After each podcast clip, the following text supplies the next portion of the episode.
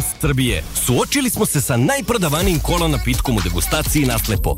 Više od 20.000 učesnika pridružilo se Pepsi izazovu. Pitali smo koji kola ukus vam se više dopada. 57% učesnika izabralo je Pepsi ukus.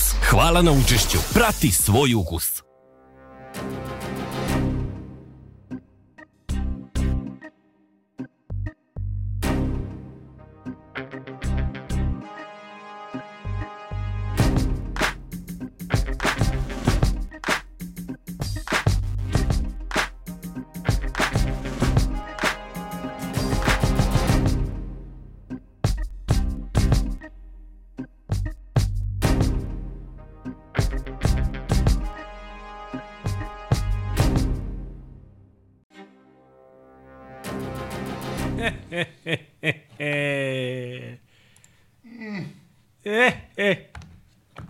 To je to. Lombardijev trofej je tu. Mi smo tu, Srki je malo brza ruka, ali bitno je da je on imao ideju da mi snimimo ovo nešto kao uvod i rekao bih da je dobro, a? Kako se ovo Meni si dža. A? Gdje si ti bio? Znači, To sam. To sam, malo si putovao, se, a? da, to sam. Bitno da sam sad to. Svi smo tu. Osim A Čelanac. nekada. Da. Čelanac. Skoro svi. Čelanac nam je zapalio, ali veliki Srki je tu, Jimmy, Vanja i ja smo tu i tu smo da najavimo Super Bowl. Tu Mike trofej. Ovo je trofej. Došao je. Pogledaj kako je dobar čovjek. O, o, ogroman je. Čekaj, moramo da I pohvalimo, da i težak. Da. Moramo pohvalimo Srkija, koji je ovo sve zamislio, koji je nabavio, nabavio. Ukrao si trofej Srkane. Kada se bude završila utakmica na Legion stadionu, neće biti trofeja, jer je ovde u Infinity Lighthouse-a, vi ćete, ćemo moći da ga vidimo i u prostoru. Moći ćemo, naravno. Biće tu. Ima posebno postavljanje. Da, Hoće da, moći da. da se pipa. Moći će. Moći da se pipa i da se se slika. Ponesi asepsol. Ako ljudi hoće da celivaju trofej. Da. Nadam se da ste dobri, nadam se da ste uživali i jedva čekali uh, petak, da se družimo i naravno da jedva čekate nedelju. Ako želite da gledate Super Bowl sa ekipom, to jest uh, možda ne sa ekipom, ali sa delom ekipe i u našem novom prostoru, onda definitivno treba da posetite Žorža Clemenceau i naš novi prostor. Tako da pustit ćemo nekoliko puta u toku emisije uh, plaketu I slobodno od 22 časa biće i piće, biće neke grickalice i onda posle od uh, 00.30 gledamo utakmicu. Uh, utakmicu radimo ja i ovaj momak s moje desne strane. S moje desne strane, ovaj momak, a studio smo radili ja i ovaj momak s leve strane. Tako da će biti Road to Super Bowl po emisija i onda, i onda kreće uh, veliko, velika senzacija, a ovde vidite kako je napravljeno watch party, 49ers i Chiefs i nedelja od 22 časa slobodno posetite naš prostor koji se zove onako kako ja neću reći, ali to će sad postati, napravit ću majicu, prostor se zove kako ja neću reći. Č, č, č. Semenski ran č, č, č. Da. Što č, č, č? A nekako, no ne, mm, što često, što ranč. To, to je to drugo pitanje, da. I što, I što I tri što če. semenski? da. No, semenski čak ima smisla. On, Infinity Light. Pa da, Tako stoji na Google Map, Mapsu, inače. To je neko Ranč, stavio č, č. preko veze. Stvarno? Magi moj. Neko stavio preko veze i napravio to. Na Google Maps i ispašće ti baš na toj lokaciji gde je studija. Da, da. Nisam č. skoro Google Maps. U, Srki kriv mi je kadar, ali sad ćemo da ga namestimo. Vanja se iskrivio kada je vidio da je Lamar dobio drugog MVP-a. Što ovo, više presta se skrivio što Kako Antonio se- Gates nije u kući slavni posle prve godine. A dobro, ne može. Mislim, Meni je pre Andreja Johnsona za, iskreno više zaslužio da bude. Pa dobro, mislim, svi su oni zaslužili da budu, samo je stvar, ovaj, ko će prvi, ko će drugi.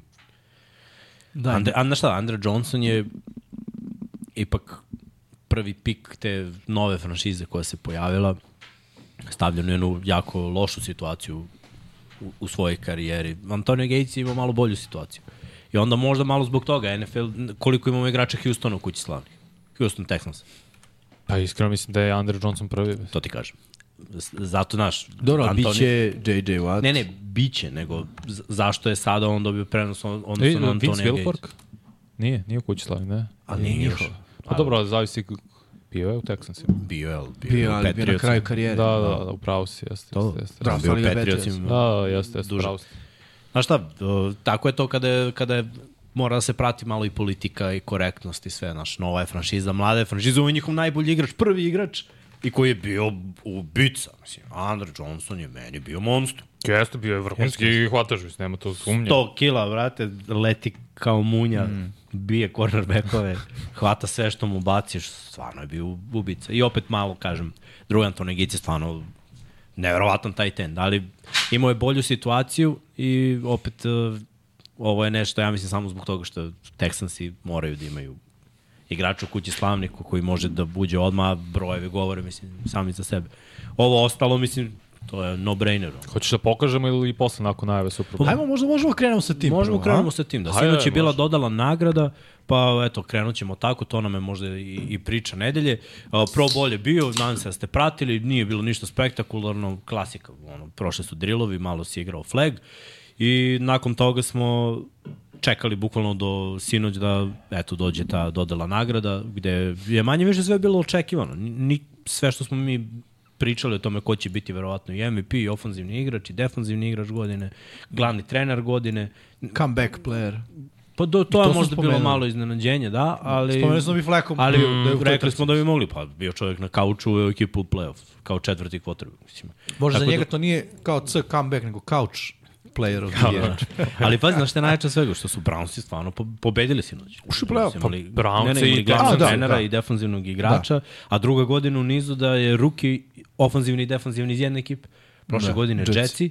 Ove godine Houston Pa da, Texansi. četiri, četvrti put u istoriji NFL se to desilo. Videli smo i Saints 2017. Latimore i Kamara iste godine obojica pokupili, ali Texansi su isto poradni. I Texansi i Brownsi su bili baš pobednici sinoć. Tako Aha. računamo i Andrea Johnsona i oni su imali, ti si sada upravo rekao, Novajlije godine, tako da stvarno sve pohvale za te dve franšize koje su imale sjajne sezone. Jeste i to malo govori o tome da bi neke stvari mogle da se promene. Mislim, Texans je osvojili su diviziju, Browns ušli u playoff, očekuju se neki bolji dani. Mislim, treba, trebalo bi to da bude tako. A Srki, ti kad si spreman, puštaj nam slike pa ćemo mi malo komentarišemo i pričamo Da, o, o svemu što se desilo. MVP Prvo drugi pa put, da, da, drugi put uh, u svojoj uh, karijeri u šestoj igračkoj godini. Lamar Jackson je najkorisniji igrač.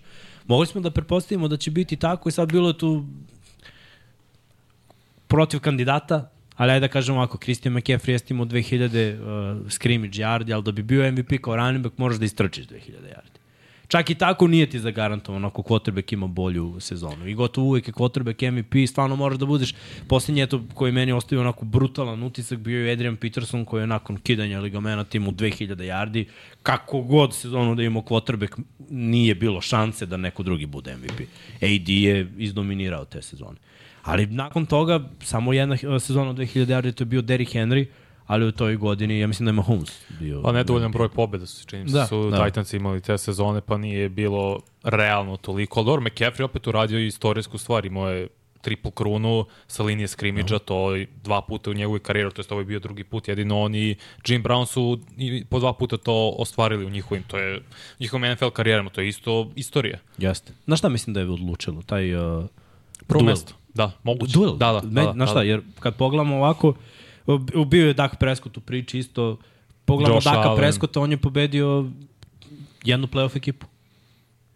Pa i ono čuveno... Dobro, vi, nije dve. Da, ekipa Detroit, sa- Filu, Detroit i Phil. i da ne znam da li bi još neko. neko glavi mi je tri, ne znam, Bob Robi se da pronaći. Izgubili su od Buffalo, Te izgubili su od Majamija, Da, da, ću probam da pomoći, nešto mi je glavi tri, ne znam zašto. ali opet nije dovoljno. Znaš, i- ipak je ovo prvi seed u, u NFL-u i sedam pobjeda protiv playoff ekipa i pobjeda protiv 49ersa koja je možda izbacila i Pardija i McCaffrey-a. Da, pobedili su i Rams, izvini I Rams. prekidam. Da, da, da. Bravo. To je tri. Tako. Tako da nije dovoljno. Ma, malo je više. Za 49ers oni jesu imali pobjede protiv playoff ekipa, ali u direktnom delu protiv Baltimora ba, nisu se uopšte pokazali. Da je bar bilo egal, da je bila neka dobra utakmica. McCaffrey je ispoštovao, dao je touchdown, ali ga nismo videli drugo poluvreme jer je meč bio rešen. Da, ajde, ajde da kažemo ovo, za 49ers ima toliko igrača koji kada ne igraju osjeti se, tipa Dimos, Dimos, Dibo Samuel je prvi koji im pada napad. Za Baltimore Ravens je najveći znak, odnosno najveći eh, stvar koja bi se osetila da ne igra Lamar Jackson. Kad ne igra Del Beckham, bilo je situacija, pobeđivali su.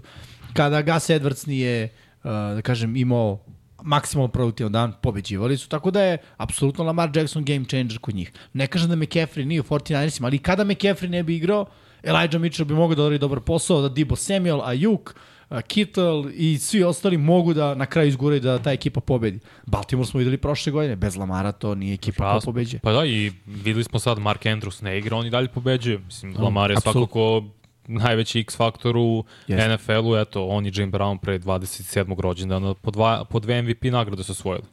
Dobro, znaš šta, o, I to je isto istorijsko. I svaki, uh, svako ko ima makar dve je član kuće slavnih. biće, biće dosta priča na sada o tome, playoff, on, ok, mislim, mnogi quarterbackovi koji će biti članovi kuće slavnih, evo da, samo Drew Brees, Aaron Rodgers, jedan Super Bowl. Da. Jedno učešće u Super Bowl, Dobro, isto. ti misliš da neće Bili biti, su- da će biti neke uh, rasprave o tome da li Lamar Jackson Ne, ne, ne, ne, slavnih? nego će ljudi sada ima dva, ima dva MVP-a i ništa ne radi u play-offu, ok, mislim, tek je počela karijera, ima, ima još dosta prostora ispred. Naravno. Da, bitno je da, da se pomakao s divizijske runde Da. i sada je postavio neki standard. Naravno, sad standard mora da bude finale konferencije, to se očekuje svake godine i naravno odlazak u Super Bowl i osvajanje Super Bowl, ali ove godine kada pogledamo nije bila neka jasna trka za MVP-a, niko nije izdominirao godinu. Bilo Pa, je jedna od slabih, realno. Da, da se ne lažem. Evo, prošle, prošle godine smo, mislim, znali ko će biti MVP, nije bilo uopšte dileme. Kada je Lamar bio jednoglasni 2019, isto se jasno znalo, no, nije bilo dileme uopšte. Ove godine je bilo baš mnogo dilema i mnogo priči. Menjalo se od eh, pete nedelje do 15. nedelje, promenili smo pet kandidata. Da. I onda odjednom na kraju je došlo do ovoga. Mislim, CJ Stroud isto bio legitimni kandidat, samo što je bilo očigledno da, da će biti najbolji ruki, ofanzivni ruki godine.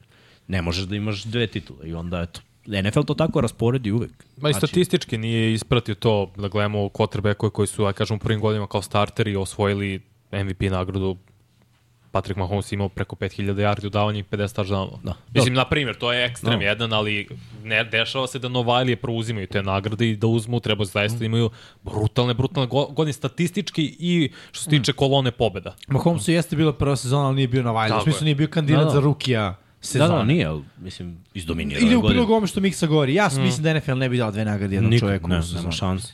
Prosto ono, ima toliko igrača i sad kao da ti baš izabereš. Moraš da ispuštuješ, mislim, malo, malo da prošaraš. Srki, cepi dalje da vidimo šta ima. Imamo, u stvari daj ti tvoj izbor. Ofanzivni igrač godine, Christian McCaffrey.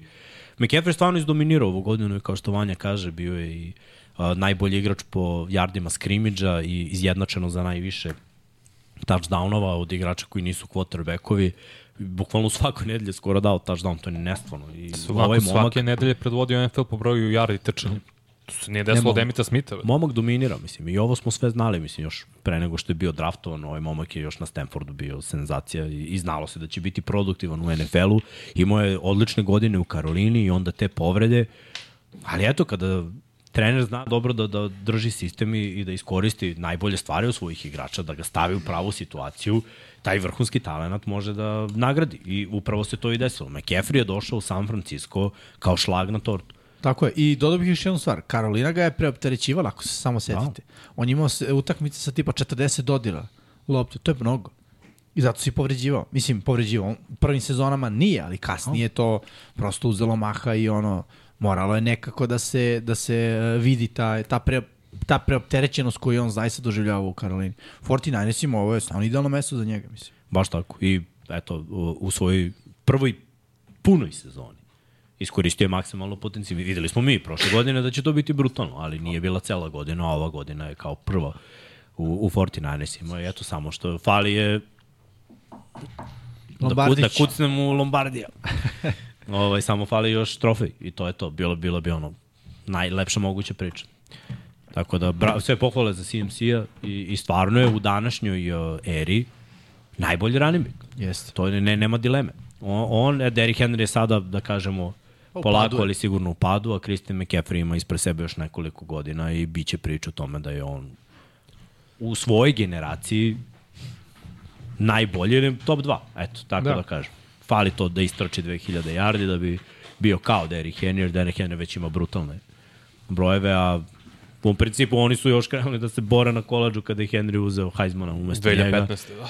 Tako da to, to su dva running backa jedina koja mi padaju na pamet da, da zaista zaslužuju svaki dolar koji im baci pod noge. Dobro, ja bih savjetao uvek Nika Čaba. Ja moram. Dobro, Čabe mlađi. Mislim, Dobro, koliko, koga je ušao, koliko, 2018 ili 17? ja mislim da je 18 Da, a? ili 17. Tako nešto mi je dobro glave.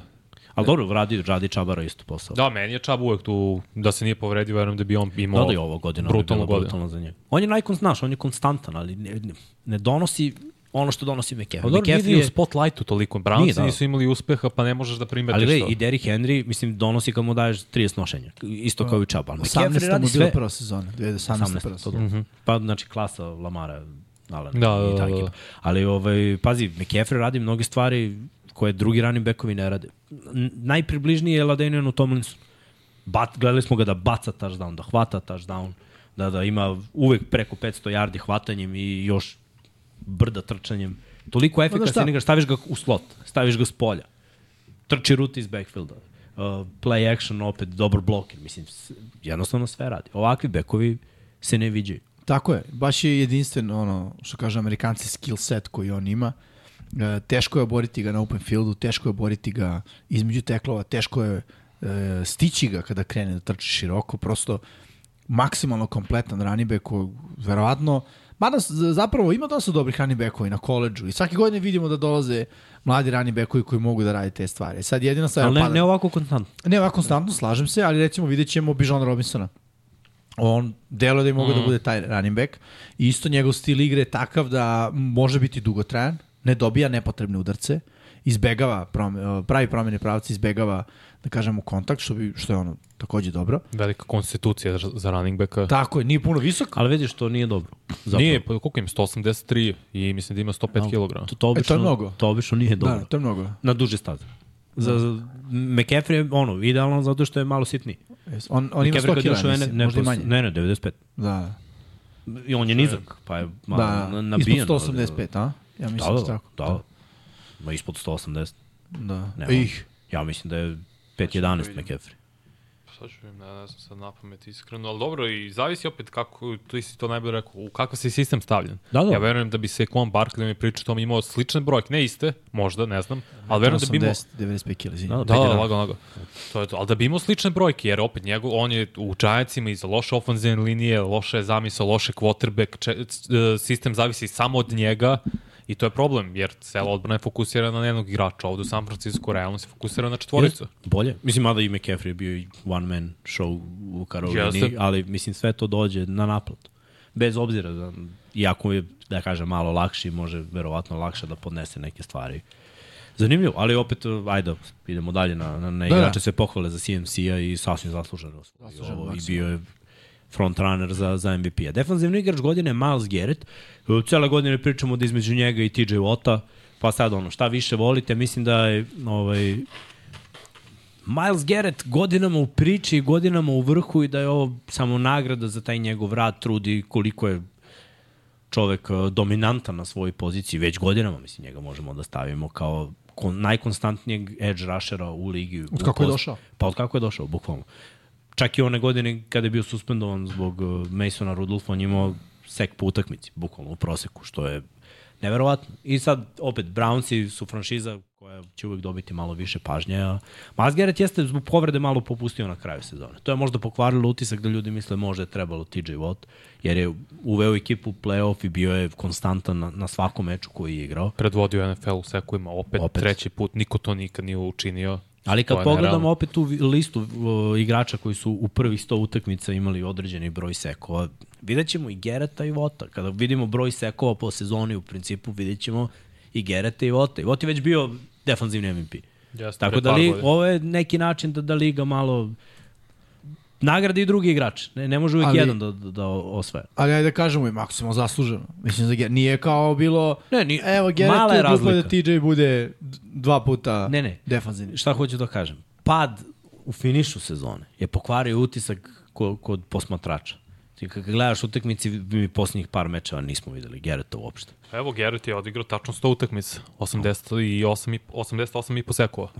Koliko ga ima JJ, TJ Watt? Malo više, Imamo 90. 90. nešto. 90 nešto. Tačno nije tačno koji je broj, ali znam da je preko 90, jer smo još radili tu utakmicu Da, da. kad je Reggie White ima 110, on je, To je nerealno. on je doktor. A ovo je, To je nerealno. ovo je najbolje što mi imamo u današnjoj da. generaciji, nisu mogli da dođu do, do, do 100, ali opet brutalno, brutalno. Čekaj da vas pitam bojcu, Jimmy jeste igrao defanzivno, to jest na defanzivnoj strani lopte linebackera i safety-a. Poslednji put se desilo da defanzivni igrač bude MVP lige, jeste bio Lawrence Taylor 86. Pre toga bio jednom uh, Alan Page i to je to, što se tiče defanzivnih igrača. To nije bio Woodson.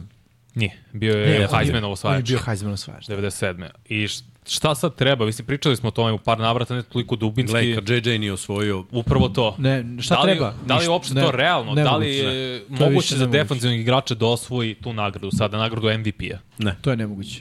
ne, ne, u Ja mislim da je to ne. nemoguće. Zato što ona sezona JJ Watta je bila toliko MVP, nema veze šta je imao Brady, šta je imao ovo, šta je imao ono. Brate, lik je hvatao touchdown, imao interception za touchdown, imao fumble za touchdown, predvodio ligu u sekovima i bio nezaustavljiva sila. Game plan ide ovako, ne, probaj njega, tri igrača na njega da ga zaustaviš. Pa, to je najkorisniji igrač Da, da. u ekipi koja je ono nije ništa posebno. Ako on one godine nije uzeo, mislim bio je defanzivni MVP, wow, bio je tri puta. Ajde da kažemo, evo, šta bi po nama trebalo da ima statistički da bi bio defanzivni, da bi bio MVP lige? Pa, Dva seka po tekmi. Dva seka po utakmici, ok. znači, tri, interception. 34 ukupno. Evo, to čudo. Ja ti kažem, Ne, smak pa, sveta da, treba čekaj se sa celog... Ja, okej. Okay. Interception. Pa ja mislim Znači, već da... pričamo, vidi, već, fumble, već, smo sveli, i već smo sveli celu priču na defanzivnog enda. Tackle ne može da ima toliko sekova. Ne može. Alan Page je bio tackle tada. Ok. I jedan od retkih. I ne može da ima interception. Znam, Ne može da ima interception, ne može da ima interception, vraća za touchdown ili fumble. Mislim, to je baš da se desi skoro pa nemogući scenarij. Znači, već smo suzili celu odbranu na jednog igrača, to je defanzivni end. Znači, mora da ima 30 plus sekova. Ja Ja ću reći 30, 25. neki ima i 30. Ja bih rekao Ajde. 25. Da je to ono za nekoliko jedan više i po, od... jedan i po sek po utakmici. Da, To 22 i po je rekord. Da, znači da imaš tri više od rekorda, mislim da je to u Dobro. priči da budeš u priči. 25, mora bi da imaš vjerojatno Ali onda bi neko rekao, ali quarterback ima... Ne, ali, opet, ali to da jest, ali to zavisi Užas je, sve je od drugih quarterback. igrača. Zavisi, ali hoću kažem, ajde da izmislimo statistiku gde bismo svi rekli čovjek mora bude MVP. Znači 25 sekova, Gledaj, ako je ova sezona kao ova za quarterbackove, Da. 25 sekova je dovoljno. Da. Ali ako quarterback prebaci 5000 yardi, mora imaš 30 sekova. ali vidi, na primjer, po meni, Mahomes, CJ Stroud, deluje, Znaš, pričamo o tome, to su, mla, to su mladi quarterbackovi. Eto, samo njih dvojica. Kaže, Aaron, Aaron Rodgers ne znamo još koliko će da igra. I on je, naravno, kadar da prebaci 5000 yardi. Dobro, Herbert je prebacio Herbert 5000 prebacio. Herbert, yardi. ok, slažem se i on je mlad. Alan Znaš, može prebaci 5000. a, ve, ve, razumeš, već smo, već smo napravili krug u kome... tu je na tekmu od 5000 yardi. Dobro, nije tu, nego su Tarik Hill i Vadal da uhvate, ali nema veze, ali okej, okay, ovo, ovo je s jedne strane. Pogledajte, Jared Goff ima 4-6 ove godine. Da. Ne, to ti kažem, znači nisu iz dobre šanse. Nije kao da se zatvara era, u smislu ne vidimo ko bi mogao da ima od možda jedan ili dva kotrbe koje smo nabrali 6-7 komada. Mm. Tako da taj defanzivac uh, mora da ima 25 plus sekova i ja bih dodao da mora da ima touchdown na bilo koji način. Da, obavezno da Jedan barem. touchdown. Da. Mora da ima interception, Obaranje Jedan. za gubitak yardi, iznuđen fumble, fumble. strip sack. Mislim, Da. Znaš kako ja zamišljam za cornerback jedini scenarij? Da ima godinu kao što je imao, aj sad skorije da gledamo, Stefona Gilmora, kad je bio defensivni igrač, kombinovano sa ovom što je radio Blend ove sezone. Znači da ti toliko zatvaraš hvatače i da imaš interception i da ih vraćaš za touchdown. Glej, ću Znam, ti kažem, ovo što je Blend uradio je nerealno. ovo što je Ne, Blend zato ti uradio je- kažem, to, to je nerealno. Ali nikoga nije uzeo u razmatranje za Tako MVP. je. Nije ni za defensivnog igrača. Mislim, ja mislim da je bio na kraju po, u finalni pet. Hoćeš da ti kažem zašto? Zašto se zove Daron Blend? Ne, ne, ne, ne, ne, za- zato što su hvatači cornerbackovi nebitni. Veruj mi. To se Hvatač može da ima 2000 yardi, što bi bilo E, onda bi bio. senzacija. Ne bi vanja. Misliš da je- Bio bi ofenzivni igrač. Ne bi, jer Ne bi, bi hvatač quarterback. nikad, haj, hvatač kad osvoji Heismana, budeš u fazonu, wow, a to se desi jednom u koliko, 23 godina. Devonta Smith u svoje posle Smith, 23 godina. Bukvalno, bukvalno. Ne, glej, nema ljubavi za spolja pozicije. Ne, to je tako. Možda budeš ofenzivni igrač. Znaš, možda imaš 200 yardi po utakmici, ne, nema šanse da Ček, budeš. ti, MVP. ti hoćeš da mi kažeš da evo, te, recimo, Tua ima 4800 yardi. 5, ajde kažem da ima tačno 5000. Taj Rick Hill ima 200. Pre će se Tu- uzeti... Da, da. Ovo je ja, nagrada. ne, ja mislim da bi se uzeli MVP iskor je, Terry na, Hill. Pre. ne, gledaj, MVP je nagrada za quarterback. A znaš koja je stvar, Miksa? Možda bi se uzeo taj Rick Hill na ime ako bi failovala sva ostala velika imena. Lamar Jackson, Patrick Mahomes, um, McCaffrey, da prosto nemaju dobre sezone. Možda bi, ja ne verujem da bi tu neko uzeo razmatanje. Budimo Brate, realni. treba da Hill ima 20 Veruj mi, uhoćenih touchdownova. Gleda to. se, gleda se ime. Siguran sam da se gleda i ime. Slažem Gleda se se, čim, da. Znaš, ono, jer Hill je veće ime od, od, od Tue, pritom Hill bi u toj, u tom trenutku već bio na blagom zalasku karijere. Dobro, Je tako? da, Pitanje je još koliko imamo da vidimo Hilla. Nacionalna manjina. Pa dobro, okej. Ali- ovo je... Treba možda smisliti neku takvu nagradu, znaš. Najbolji nacionalna. Ne, baš, baš, ide, baš ide na quarterbackove. To, to je, Ja. malo, E, malo kvari ovaj doživ. TJ Watt ima inače na 104 utakmice 96,5 sekova. Tako da, je, da, više ima 8 više nego Miles Da, na Garrett. 104. Na 104, na 4 utakmice više. Dobro, daj, daj jedan Stavi to sto. Dobro, dobro. Ajde, ajmo dalje. 100 ima 10 manje. Se. pa nije morao neku takmicu ludačke. O, ofanzivni Novajlija godine je CJ Strao, apsolutno očekivano, niko nije više oduševio ove godine. Najteža, najkompleksnija pozicija, najbolje donošenje odluka i najbolje sazrevanje i uh, rekao bih uh, najviše iznenadio, a iznenadio je toliko kao da je godinama u ligi igrao. Da. To- To je, to je nešto nepojmivo. Ja, ja ne pamtim ruki quarterback u toj prvoj sezoni da je izgurao celu godinu sa opet kažem, zavisi šta ljudi gledaju. Neko će odmah, a koliko je touchdownova, koliko je imao touchdownova na izgubljene lopte, koliko brzih dodavanja, čak i ni procenat nije toliko važan, jer videli smo koliko je puta bacao protiv Ravensa, nije bacio ni jedan interception u dve utakmice, ali je bacio 15 puta u out. Ali opet to nije loše, ja kao coach ne bi imao problem da mi quarterback pod pritiskom baci loptu out i da ima 50% kompletiranih dodavanja, jer nije on kriv što nema vremena, ali videli smo da se ne plaši, da je u džepu, da može da istrči, da može da baci svaku rutu, da jako brzo prepoznaje neke stvari.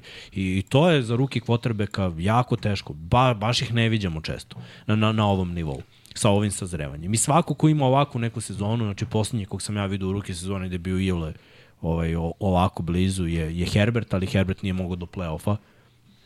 A ovo je pohvalno osvojiti diviziju Kako ne? i, i ući. Znači, tu imam uh, malo više respekta za CJ Straudu u odnosu na He Herberta, jer bez obzira što je odigrao vrhunsku ruki sezonu, neki momenti, da, bilo je malo i do coachinga, ali u nekim momentima Ajde da kažemo još jednu stvar. je falilo nešto. Jeste. I da kažemo još jednu stvar koja ide u prilog CJ Straudu. Promenio je franšizu.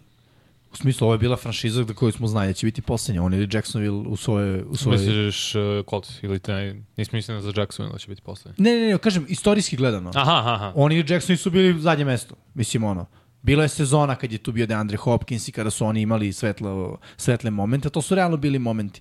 On je sada došao, nakon nekoliko godina Houston Texansi su bili ono, apsolutno ništa, pogotovo kad je otišao Deshaun Watson. Momak se pojavio i ekipa koju smo svi stavili na poslednje mesto te divizije i ove i prošle sezone i vratno sezonu pre toga je postao šampion divizije. I to je još jedna stvar koja je ono, baš veliki doprinos. No, domina, stvarno, je- stvarno prilog, domina. prilog svemu što si ti već rekao. je proradili, proradili su neki ljudi zbog njega. Niko Collins. Niko ne može da me Da. ubedi da... Niko ne može da me ubedi da nije bio ovako dobar zbog Strauda. Isto, Tank Dell, ruki sezona za njega. Znaš, sve je nekako krenulo na bolje. Tako da, ono, maksimalni respekt za momka. Stvarno, o, ovo ne viđamo. Znaš s kim poredim njegov način, to je procesuiranje igre, toliko brzo je kako je pokupio stvari. Kao Andrew Luck i kao Barrow i Herbert. Barrow imao mali broj utakmica, ali to je taj način procesuiranja igre, ta brzina koju on shvati posle utakmice dve, aha, ovde moram da se prilagodim, ovo su rešenja koje donosim, ridovi, check down je tu odbrana ovako razmišlja, to je to. Samo sam to vidio kod ove trojice u poslednjih deseta godina. Stvarno, elitno društvo za momka. Sledeća godina vol, volao bih da nastavi ovako, jer bi to značilo da imamo novi talas quarterbackova i, i da smo došli do neke promene, ali da imamo talentovane momke koji će nositi NFL. Jer svaka generacija ima, da kažemo, 5 do 10 pet pretalentovanih do 10 maksimum možemo to da rasteglemo, ovo ostalo je krpljenje. A kako vo, uh, obojca, kako generaciju, koji je raspon vremena za generaciju? Pa, mislim, malo više od decenije, za quarterback, za druge pozicije decenija, ali ajde. Čekaj, čekaj, misliš u rasponu 10 godina staviš i sedmu generaciju? Pa ja, ja bih možda stavio na pete. I ja mislim da, da je Pa malo. šta Pa ja bih ga razmišljam to- stavio u generaciju njega, mislim, Patrika Mahomesa? šta pa što, razlika Ja ne bi. šest godina. Ja ne bih. Šest godina kako su ušli na fair. Jer zamisli da igraju ali- sledećih 10 godina zajedno. Dobro, Holmes je 2017 ušao. Znaš, već je odigrao da. šest sezona, ovo mu je sedma, ovo Meni njemu oni nisu prva. generacija. Za mene je generacija 3 do 5. Mislim, Nima realno. Holmesa u generaciju, zapravo to trebalo budu quarterbackovi koji su draftovani malo pre njega, I malo Pa, posle njega. a ti koji su draftovani pre njega, Sve to realno je čini- samo tu gol. Sve to čini ovu eru, znaš. Sve to, To je- to je čini stvar. ovu eru NFL-a. Jer, mislim, odlaskom Aarona, Ro- prvo Drua Brisa, znaš kako, uh, Filipa Riversa, pa čekamo, Brady je otišao, pa čekamo Aarona Rodgers, mislim, to je još godinu, dve. Mislim, znaš šta isto? To je, to je ona prethodna klas, prethodna generacija. Jeste, Nisu oni, isto da- je bila velika razlika kad su oni ulazili, ali, ali ta generacija odlazi i dolaze sad novi momci. I neke stvari su svojstvene za ove momke. Možda se zatvara taj prozor sada sa, sa Straudom, Viš, ali ali je, to je, to je uh, razmak od 7 godina. Ja kažem od Peytona Manninga koji je bio prvi pik na draftu 98. do Aarona Rodgersa 2005. To je taj jaz od 7 godina. ali njih bi isto stavio u istu, naš, O, da, ja, stavio- stavio bih ja. Ok, sad sam malo dao, da kažem, uh, razmišljao dok ste vas dvojica pričali. Stil igre, istu stvar. Tako je, sve se to menja da- kroz Jest. vreme. Michael Vick je bio van generacijski talent jer nije postojao quarterback njegovog skill seta u tom trenutku. Cam Newton isto. Cam Newton isto, slažem se. Teško je da ga staviš u bilo koju generaciju i mora da ima rivalstva. Znači mora da bude ono uh, u konkurentnoj ekipi i da njegov tim i on sa nekim imaju konstantno rivalstvo. Lupam, Burrow Mahomes. Znamo da je, znaš, to je veće rivalstvo koje postoji. Niš, trebali su Stafford, Luck, Matt Ryan i tu možda staviš Cam Newton i još par. To je jedna generacija meni. Znaš, ali- ta, ta od, od 8. pa do 12. 13. to je trebalo bude jedan jas quarterbacka, nije se desilo. Ali je ostao samo Stafford koji je ono, ni da. tamo, ni tamo. I stavljamo ga, sad ga stavljamo kao veterana, znaš, idu onu... Yes, zato što ne pripada ovoj generaciji je. quarterbackova. Da, da. Nije taj mobilni tip. Ne, ne možeš da, da ga staviš da. nigde. Ne, ne uklapa se u ove nove zamisli. Mahomes je zapravo taj uh, predvodnik svoje generacije. Mahomes, Pa onda se ga- pojavio Lamar Jackson sledeće godine, Josh Allen, tako da ajde, ok, Baker Mayfield je ta uh, generacija draft kla- klase. I možda je sad ovo... Pa evo ti ja ovo posle što je došlo, i Buro, i Herbert. Ali mi, nekom oni više idu uz Mahomesa nego uz ovo, Strauda i što a sad dolaze, ne znam. Ja mislim ih- da, da smo presek, da moramo preseći da Stroud kreće na novu generaciju. Sve, sve ćemo ih jednog dana ocenjivati jer su igrali u eri ovih drugih. Znaš, kako je igrao protiv ovih. Jer gledaj, Da. evo je sad narative za CJ Strauda, ono, treba pobediš Lamara Da, znaš, i Baltimore. znaš koja je meni generacija? Stroud, Caleb Williams kad bude došao, a, ko je još, Mayo, tako? On treba... Drake May, Drake Da, May, Jaden. Daniels. Da. Dobro, ima kapirano što je Mislim, govorio. vi- vidjet ćemo da kako će- Za sad je tako, ali evo, ja samo zamišljam Oni su nešto. generacija NIL-a sa NCAA. Da. Sad zamišljam nešto za Bravo. 10 godina, može da se desi da tipa samo jedan od njih bude Da. dobar kao ovi koji su kao Mahomes koji se sad već dokazao kao Buru. A viš, svake godine Kao imaš tu draft klase quarterbacku od 2-3 godine da imaš da nemaš nikoga u suštini. No. Zanima šta će biti sa Lorencom, ta od 2021. ta klasa do 20 Dobro. do 23. Zapravo, eto, on je predvodnik te nove generacije, ja moram da kažem. Mo, ja bih ga svrstao možda ovde, ali nije ni važno, jer od te generacije 2022. je loša bila, što se tiče draft quarterbacka, katastrofa, pre toga isto je veliku, na znak pitanja šta je Fields, šta je Lawrence, šta je Mac Jones i tako dalje, tako bliže Zach Wilson. Tako da vidiš, možda ćemo imati taj opet jaz od 2-3 godine da su loši. Ili ima samo jedan, gledaj, od ili dvojicu od od, i- 15 orice. Od Bura i Herberta mi imamo konstantnog Strauda i to je to. Da. Ovo ostalo, Da, Još, još nije, nije konstantno. To Ćemo, hoćemo dalje, malo smo proširili, ali ok, pričali smo o ofenzivnom Novajliji. Defanzivni Novajlija, još jedan igrač uh, Texansa, uh, Will Anderson, stvarno odlična godina i eto Texansi u, u posljednje dve sezone su izdominirali u, na draftu pre svega, uh, birajući pikove u, u prvoj rundi, jer su sve playmakere izabrali. I, i stvarno svaka čast. I ovako se menja franšiza. Maksimalno su iskoristili sve te pikove koje su imali, ovaj momak je bio faktor i on se malo povredio na kraju sezone, pa nije to baš bilo uh, savršeno, ali opet kao ruki, kao Novajlija, da budeš starter i, i da dominiraš, bilo je dobrih drugih igrača, pričali smo o Jelenu Carteru, meni je Branch bio onako za, za Devon Detroit, Witherspoon isto. poseban Witherspoon za, za Seattle. To su momci koji su odmah uh, bili faktor od uh, svoje prve utakmice. Branch je u prvoj utakmici već imao interception za, za touchdown, Witherspoon igrao jako dobro, na, više različitih utakmica smo ga videli kao startera kao da igra bre pet godina, ne, ne da je mu je prva godina. Ali videli smo i ovog momka i opet kad se sve to poredi, niko nije imao sezonu kako imao, na primjer, Sauce Gardner prošle, gde je zatvarao i najbolje hvatače kao ruki cornerback, što je jako teško raditi. Tako da, apsolutno zasluženo i sada je za njega zadatak da ovo digne na viši nivo. Znači mora da ima dvocifreni broj sekova mm -hmm. i, i mora da bude jedan od najboljih rašara u AFC-u. Ali on delo da bi mogao da bude u toj priči sa Milesom Garrettom, TJ-om, Votom, kao jedan od najboljih tih edge rushera u godinama koji je do Michael Parsonsom na kraju dana. No. Ovaj, kao jedan od najboljih tih edge rushera koji, koji ovaj, su i dalje mladi. Ono, uh, će Novi biti talas. sila na koju moraš da obratiš pažnju kao ofanzivac, no. kao ofanzivni um. Da. I opet ima sjajan ovaj, defanzivni um iza sebe, Da. jer ima vrhunskog trenera koji će da ga stavi u dobru situaciju da mu oda neke tajne. u ostalom. I taj sistem je uh, iz San Francisco jako blago naklon prema edge rusherima. No i nema mnogo toga, znaš, vidimo negde da edge rusheri moraju da idu u flat, da moraju da rade coverage, u Houstonu to nismo videli toliko, u, u toj meri. To je jako dobro kad imaš zadatak, ono, quarterback. Jasno, videli, redko kad vidimo Novalju da nije quarterback, da bude kapiten prve godine. Dobro, pa no, no, znaš šta, to To je pa ja to ne pa možda ne pamtim toliko i ne obraćam pažnju na to, ali to mi je odmah isto da. palo na pamet. Potpuni rebuild, mm -hmm. novi coach, defanzivno orijentisani coach i šta sam ti rekao prošle godine kad, smo, kad si pričao za uh, Stinglea. Zašto? Ko, zato što su oni sada u fazi kada traže lica franšize. Nema ko da bude. I onda, okej, okay, ko će da bude lica franšize? Pa iz prve runde neko. Bilo je ono, samo pitanje, Temiko je došao, s njim je došao ovaj mali, došao je quarterback, to su njegovi igrači. Znači on kao trener u prvoj godini neće izabrati nekog ko, ko je stariji, nego će izabrati nekoga ko je tu zbog njega, zbog Ryansa. I izabraće naravno klince koji su sada vezani, Demiko je namazan, ali gura tu ekipu, znaš, drži ih za sebe i vidiš ti koji respekt on imao, cele slačionice, Da. ali klinci bi izginuli za njega. Mm. I to treba sad u sledećoj godini, bira još klinaca koji će doći ovde zbog uspeha svega, to je naš coach. Od najgore ekipe do play-offa do osvojene divizije. I jednostavno pravi se timska hemija i to je sve ono što 49 zapravo radi. Da. Gledaj, vrlo brzo i tamo, bez obzira što su bili igrači vrhunski, mladi igrači koji su draftovani od strane franšize dobiju šansu da budu glavni igrači, da budu kapiteni. I to, to je onako pa, pametno odrađeno. Jeste, jeste. Ćemo dalje, okay. Ajmo, možemo na sledeću individualnu nagradu. imamo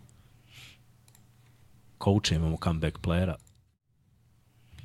Idemo na povratnika godine, to je Joe Flacco. Pa svaka čast, stvarno. Nije bilo dobro u play-offu, ali do play-offa je bilo dobro. Skoro svaku utakmicu imao 300 yardi. Uh, pronašao je konekciju sa Nadjokom, sa Marijem Cooperom. Snašao se u ovom sistemu, ovaj sistem odgovara. Lepo je on uvek igrao kada je uh, zona i, i Rolt ima snažnu ruku i eto, čovjek skauča. Malo je falilo da batali futbol, pričao je o tome u jednom intervju kod Peta McAfee-a. I meni je zanimljivo da, eto, ipak je verovao, trenirao je, ostao je spreman u slučaju da ga neko pozove, pozvali su ga, odradio je posao i mislim da će ga Brown se staviti kao backup quarterbacka za, za sledeću godinu. Ima smisla. Da, i on je izrazio želju da mu se sviđa Cleveland, odnosno Brownsi kao organizacija. Mislim, od backup quarterbacka ne možeš da očekuješ više. 11 pobjeda su imali, Da. bila je dobra sezona, da, izgubili su u play-offu i on je bio krivac, imao je dva pick sixa, ali realno gledano, to je backup quarterback. Mislim, ti da. treba da polažeš kao franšiza nadu, da je Šona Watsona, njega si platio, to ti je starter, a Tako kao je. rezervista, me, mislim, ja opet kažem, kad je Huntley prošle godine on napravio onu glupost i kad je Baltimore izgubio play-off, ne mogu se ljutim na backup quarterbacka, nije on kriv, kriv je trener, I mislim, takva je situacija kakva je, to je backup quarterback.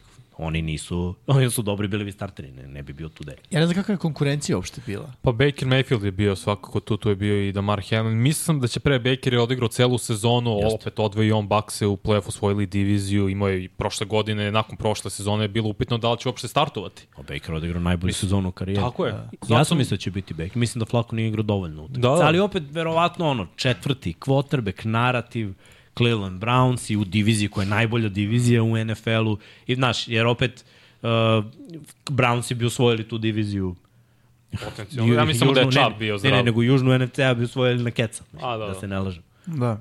Ovde je bila malo lakša situacija. Ovde se kidaš bre sa, sa Baltimoreom, s Pittsburghom, sa, sa Cincinnatijem i uđeš u play-off s 11 pobjeda. Pritom je raspored baš bio napet, igru si sa zapadnom Brutalno. divizijom NFC-a, mislim, igru si do, dobre utakmice sigurno. Dobili San Francisco, mislim, Pa evo ti još par imena, mislim da nisu na kraju bili u, u poslednjih pet. Matthew Stafford isto. Brice Hall, propustio čitavu godinu, malte ne, vratio se iskido ovu za Jetsa, bio je ali zaista Jetsi sjajan. bili, da, Ne, krš. jeste, jeste, ali mislim individualna nagrada, Da. zato mi oni padaju na poen. Za Stafforda ima smisla. Ali... Mislim da će Joe Flacco biti, Joe Flacco, bože, Joe Burrow biti jedan favorita sledeće sezone. Propustio ovu poslednjih 5-6 Da. utakmica, vraća se No. posle povrede. Mogao bi biti, da. Tako da biće... Aaron Rodgers će biti sledeći. godin. Da, pa Da. Aaron Rodgers. Aaron Rodgers sledeći godin uvede Jetsi u To play-off. kvota 1. Ako nije MVP, onda je Onda na povratnim, brate. comeback uh, player of the year. Ajmo, ajmo Srkane, dalje. Pa, znaš ko hoće da bude, to je koga hoće Jim Harbaugh da dovede kao trenera linebackera ča, u Chargers? Navara Bowmana. Zoro, Navarro, Ako je mu bitan. Treba. Kevin Stefanski. Trener godine. godine.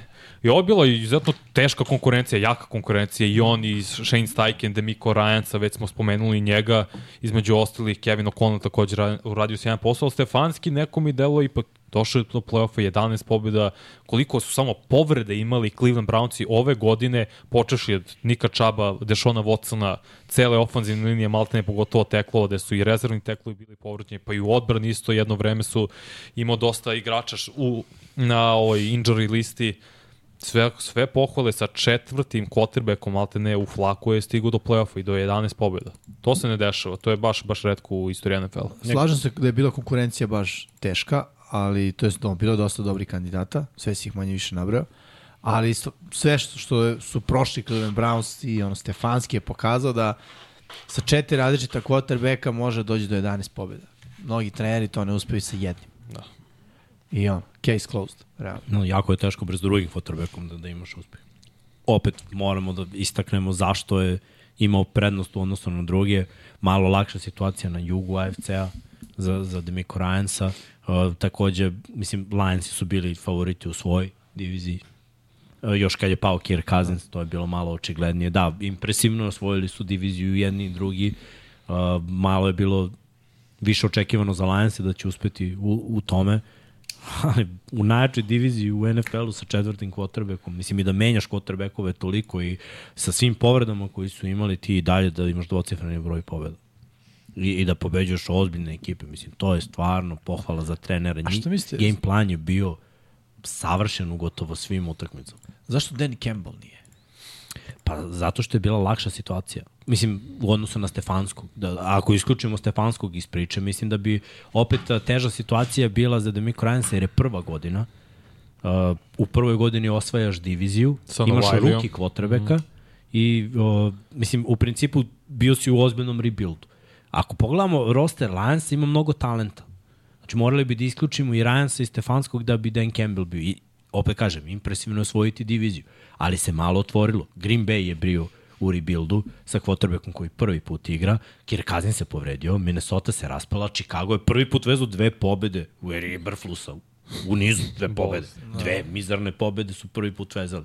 Tako su- da ono, malo mu je bilo na, naš, na tanjiru sve. Da su osvojili konferenciju, da su pobedili Dallas, da su završili za 13 pobjeda, mislim da bi onda bilo ozbiljnija trka. Da. Znaš, osvojio Znaš si šta ja NFC, isto mislim? Da si osvojio NFC druga je priča. Znaš što ja isto mislim? Mislim da utiče i moment, mislim, realno, ono, njegove odluke su na ivici, diskutabilne, s tim četvrtim pokušajima, forsiranjem, na kraju odluka i u finalu konferencije da se ne šutne field goal, nego A da dobro, se četvrti. uh, I mi opet, smo- glasanja su bila pre play-offe. znam, znam, ali cele sezone oni su ekipa koja se Da, na to da. četvrtnom downu kocka.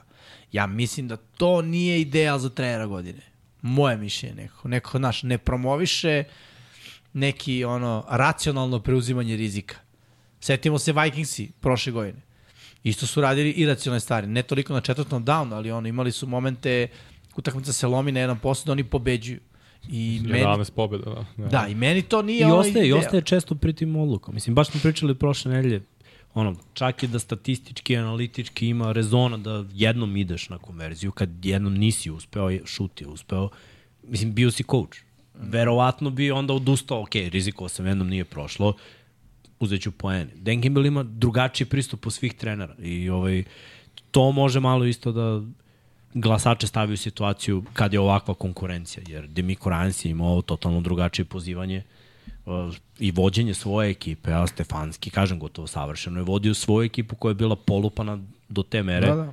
da, da je bilo neverovatno videti ih u play-off, ali jednostavno fizikalnost, to je nešto što, što je Cleveland imao i opet dobar game plan.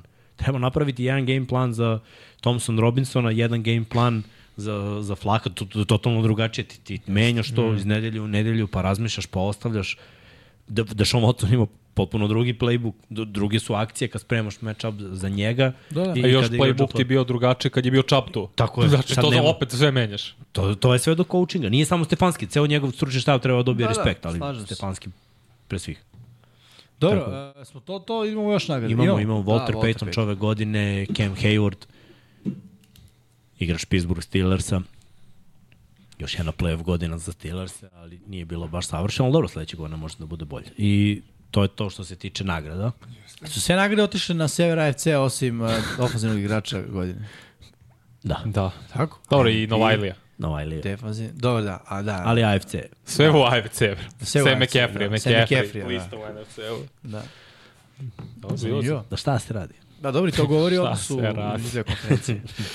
Zato svi novi treneri umesto u AFC. NFC, sve u AFC. Da. Sve, sve u AFC stavi. Tako da, ono, Jako. Je li vreme? Nije, Hall of Fame. Hall of Famer. Hall of Fame. Klasa Hall of Fame klasa 2024. je objavljena i tu su naravno sve, sve velike imena kao što smo i očekivali. Jako je teško bilo izdvojiti, ali eto idemo predstavljanje. Novi članovi kuće slavnih, prvi igrač Houston Texansa koji će dobiti to uh, priznanje je Andre Johnson, uh, jedan od najboljih hvatača svoje generacije, rame uz rame sa nekim momcima koji su već dobili to priznanje. Uh, rekao bih da je Calvin Johnson tu u, Da. u priči. Uh, Andre je odradio brutalan posao u franšizi koja se dosta mučila. Moram da kažem da je imao neverovatne brojeve, a nikad nije imao top 10 quarterback. I to je nešto što će lansirati Larrya Fitzgeralda isto u, ka- kada gledamo svih vremena ocene. I isto mislim za Deandra Hopkinsa, jer su oni godinama se mučili, imali preko 1000 yardi, bolesna hvatanje i touchdownove sa quarterbackovima koji su van top 10. Što je vrlo pohvalno. Mislim, njegovi najveći uspesi desili su se s Texansima dok je igrao Matt Schaub. Da, nevjerovatno. 2008. 9 kad je predvodio NFL po broju uhoćenih yardi. Mislim da je on poslednji koji je kao hvatač, mislim da možda bio Calvin Johnson nakon toga da je dve godine uzastopno predvodio NFL po broju uhoćenih yardi. Sad baš to proveravam. Da, Calvin Johnson je nakon njega Andre Johnson, ali posle, to je pre Johnsona, nije bilo tih hvatača, bio je Jerry Rice, ali veliki jaz ima između Dobro, toga. Sad se mnogo više prangio i jako je teško dve godine za redu. I, mislim, ono, desi se nekad i peh da se i povrediš. Ali, Sam tek sad ovaj, skapirao da se i Andre Johnson i Calvin Johnson prevezivaju Johnson. Johnson. Nikad nisam posmatrao kao da su... Johnson i Johnson. Ubic. Ubic, stvarno. E, apsolutno zasluženo. Sad ovaj, stvari... Svi ti igrači treba da budu u kući slavnih, ako nije bio ove godine, bit će sledeće, ali definitivno mislim da je Deandre Johnson zaslužio Slažem i se. da je odradio vrhunski posao u svojoj karijeri, jer, znaš, mala je i koska, ideš u franšizu, ne znaš ni šta je, ni gde je, ni kako je, Da. i onda ti budeš prvi igrač te franšize, hvatač. Drugo je kad si quarterback, nego hvatač bude prvi igrač neke franšize. Koliko puta vidimo tu priču, taj narad. Da, nije često. Tako da je to, to neki vid respekta koji on dobio od NFL i, i smatram da je opravdano. Stvarno, sećam se kad sam počeo da pratim NFL, kad se pojavio Andre Johnson, on, svi smo hteli malo da budemo Andre Johnson. Bilo je nemoguće fizički, ali... Uh, drugi je Devin Hester. Devin Hester koji je kao returner ušao u kuću slavnih i ovo je isto apsolutno zasluženo jer ovo, ovoga više nema u NFL-u. Neko ko ima toliki uticaj na igru da, da su počeli da šutiraju loptu u out i da su pomerili šut da bude bliže da bi bio touchback svaki put i da su smanjili već blokove da ne bi... Znaš, toliko se stvari promenilo i zbog ovog čoveka. Da, i zbog povreda, i zbog nekih drugih situacija, ali realno gledano NFL je želeo da smanji uticaj uh, punt i kick-off returnera u NFL-u. Punt return i dalje viđamo. Mm -hmm. malo, ne- neke stvari su malo drugačije, ali punt return za touchdown vidimo pet puta po sezoni. Ako Kick-off toliko. return za touchdown vidimo jednom ili dva puta i to stvarno mora da se namesti, da, da sve bude savršeno i da specijalni tim, to jest uh, kick-off, uh, za taj i da blokovi budu dobri, sad se blokira jedan na jedan, nema više udvanja i onda da, da napraviš haos i sad zamisli u današnjoj eri da neko ima 15 plus vraćenih uh, za touchdown. Čovjek ima 20 u svojoj karijeri. Najviše Ukupno kick-offa, I- pantova, da, nereal.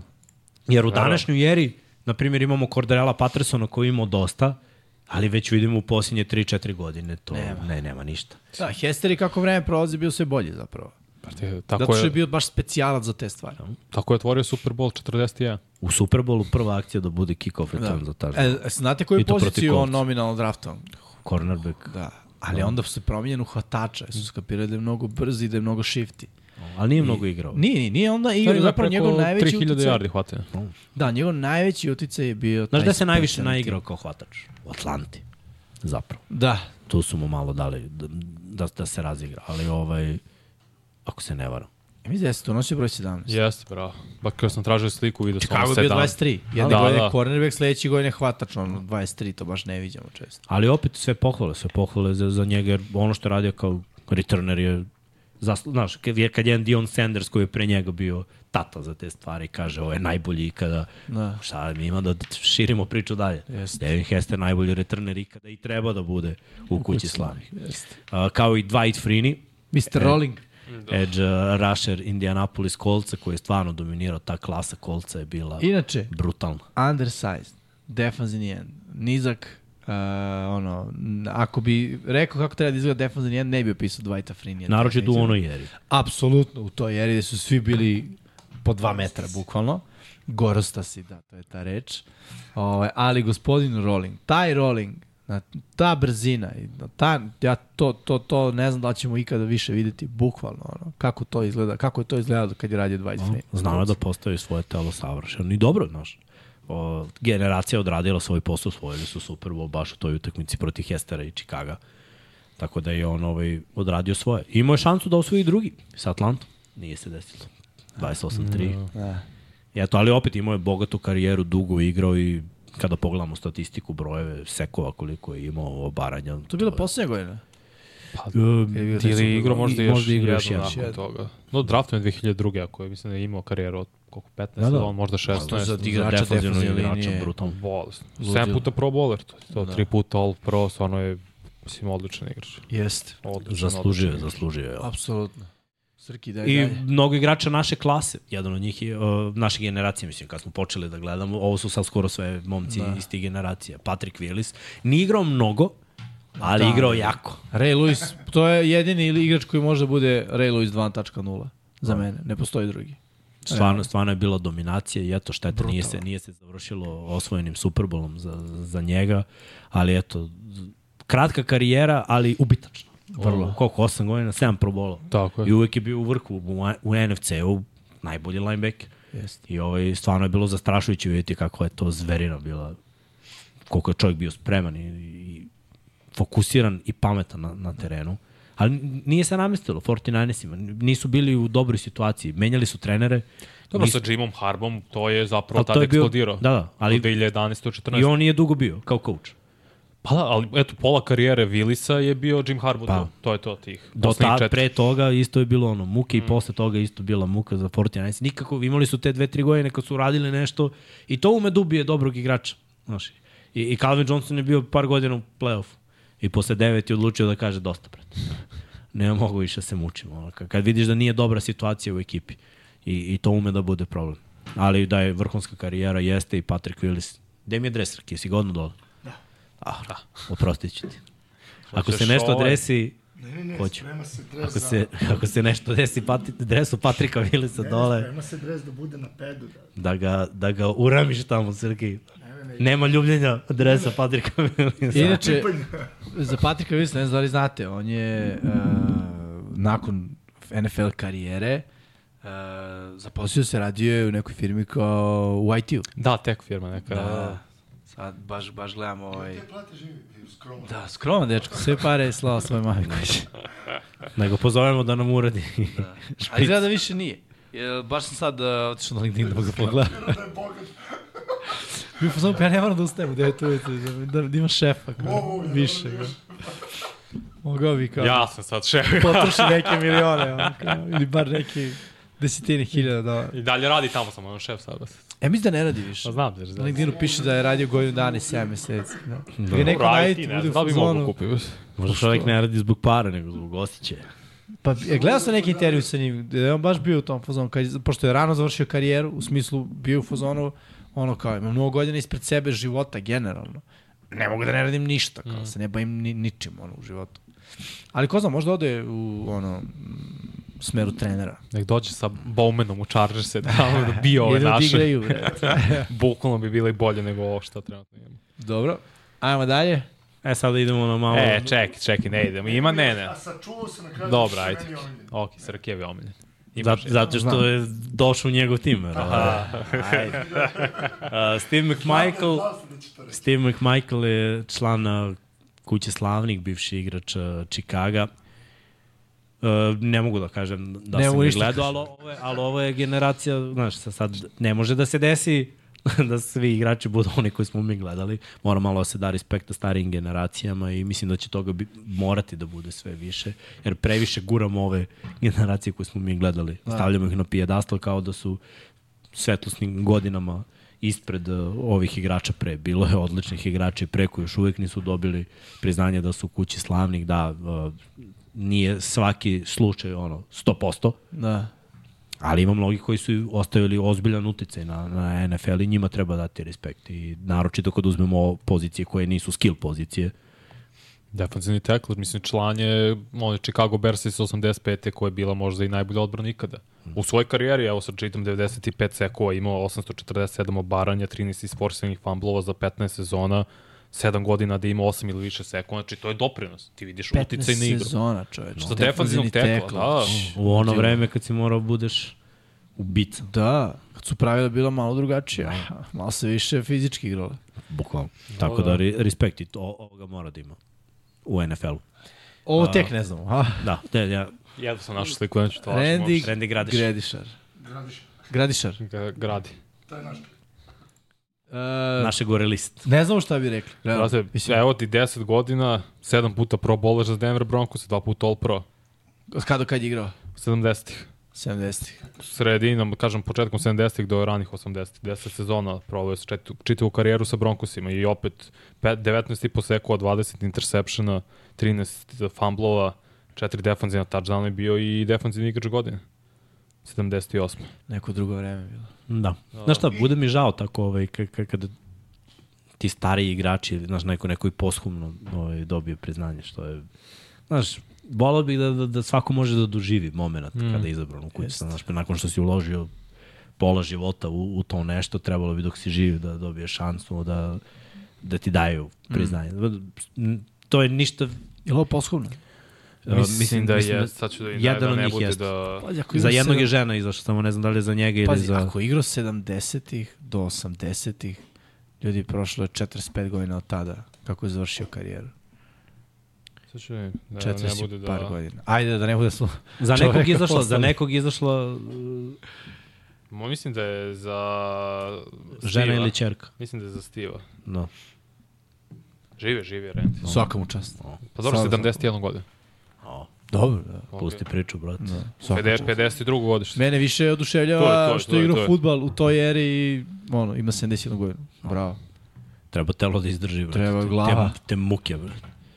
A i glava što. I ostaje još jedan. Srki je A taj E. jedan je Julius Peppers, legenda Carolina Panthersa. Izvini, Srki, nisam mogao da stavim u dresu Green Bay-a, morao sam Ni, Karolina. ni ne treba mora tamo gde je. Igraju i u Bersima. Da. Jest, jest. Ali da kažemo da je postao to što jeste u dresu Carolina Panthers, još kao mladi igrač je doveo Carolina. Oni Steve Smithom je nekako bili lica te franšize. Jesu. I, I stigli su tada do Superbola, izgubili od uh, Patriotsa. Nakon toga godinama nije bilo pravog timskog uspeha. I onda je Julius odlučio da, da se malo preseli. I što Srki kaže, ostavio ga za sam kraj zbog Green Bay Packersa i stvarno u, u Packersima je bilo brutalno. Uh, promenio je poziciju. Zapravo igrao je linebackera, nije više bio na liniji. Imali su neku drugu viziju šta će raditi Julius Peppers ili je bio pro bowler i tako. I, i to kao veteran, nije kao mladog igrača staviš pa ko sada stavimo Majku Parsonsa, stavi ga na 14. Majka, godina. na edge rushera i pa, Parsons leti, kida i može da igra sve. Ovo je bio veteran i staviš ga na drugu poziciju, totalno je čovjek pokida. Julius Peppers, yes. jedan od redki to, ali ovo je ono, ne znam gde su ga pravili i kako, ali ovakav igrač, to, to redko kad vidimo, ovako fizikalu, visina, težina, raspon ruku, brzina, Raspon, eksplozivnost, agilnost, snaga, neverovatno, igrica, čovjek iz igrice. Neko je za njega rekao ono kao da se deca igraju in the backyard i onda dođe stari burazar i kao... Pazi, oni Dwight Freeney su ista draft klasa 2002. godina. Viš koja je razlika u konstituciji u načinu igre jednog i drugog. I opet da imaš skoro 160 sekula za čitavu karijeru, to je nerealno. Ja ne znam, evo sad ja, TJ Watt je tu jedini koji ima preko 100 iz današnje generacije koji igra. Ne računam Kalajsa Campbella koji će možda završiti uskoro svoju NFL karijeru, ali možda će TJ Watt stići do 150. Možda, a možda i ne stigne. No. Mislim, to je stvarno redko, Zavisi. redko. Mora Trenutno, trenutno je zdrav. u, u, u gasu, da. Da, da. I ima preko 15 po sezoni, tako da u principu sledeće četiri godine bi mogao to da reši, ali Ovo, ovo što je radio Julius Peppers je jako... Još u onoj, znači, utakmica manja računa mm. i era gde je bilo lomnjave, bre. Nije bilo Jeste. uopšte naj... Mislim da je Pera pričao da je bio on na, na, na utakmici ove, Karoline baš i mm da je pričao kao Julius Peppers. Pera inače naš levi tackle koji je od 2.01. Ogroman čovjek. To, Najveći čovjek u životu kog sam dodirnuo. I kao, kao biste znali koliki je Julius Peppers Borazero. Ako ti nisi... Ako si ti duše tebi njegove velik, veličine, Da, da. onda, onda u redu. Onda je ovaj baš tako. Brat, ja mislim da neću vidjeti nikog većeg Pa, realno i konstitucije sve od Ilije Krajnovića. Da, ili ja isto. Ja ono život Džin. mislim. Znači 2.03, 2.05, 100, ne znam koliko kilo, da li 130, 140. Ne, više, više. Šta, Brate, 130. Ste vidjeli ko Srki će ima biti 130, bro. Novi trener Boston College, 117. Bill Sad. O'Brien. E, da, da, da. da. Bill O'Brien će biti novi trener Boston College. Pošto Ilija na Boston College. Da, to je dobro. Nadam se da će dobiti priliku. Dobro, ili možda, ne znam šta je njegov plan i ideja.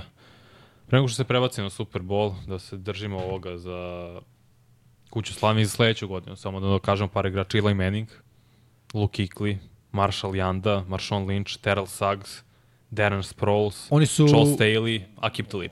Oni Oni su- su od sledeće godine mogu da, Da. budu učlanjeni u kuću slavnih da. i naravno da ne računamo ove koji su i naredni go- i prethodne godine tu kao što je Antonio Gates, tako da i sledeće godine klasa za kuću slavnih 2025 može bude izuzetno jaka. Prvo ili Manning je sigurno u kući slava. Da, Ja mislim da će i Luke ligi. isto. Zna, Mislim, Luke pe, pet aktivnih, pet Gledaj, modernih i Evo, dvojica ko, iz... ko mora da uđe? Luke Kuechly je najbolji linebacker generacije, mislim.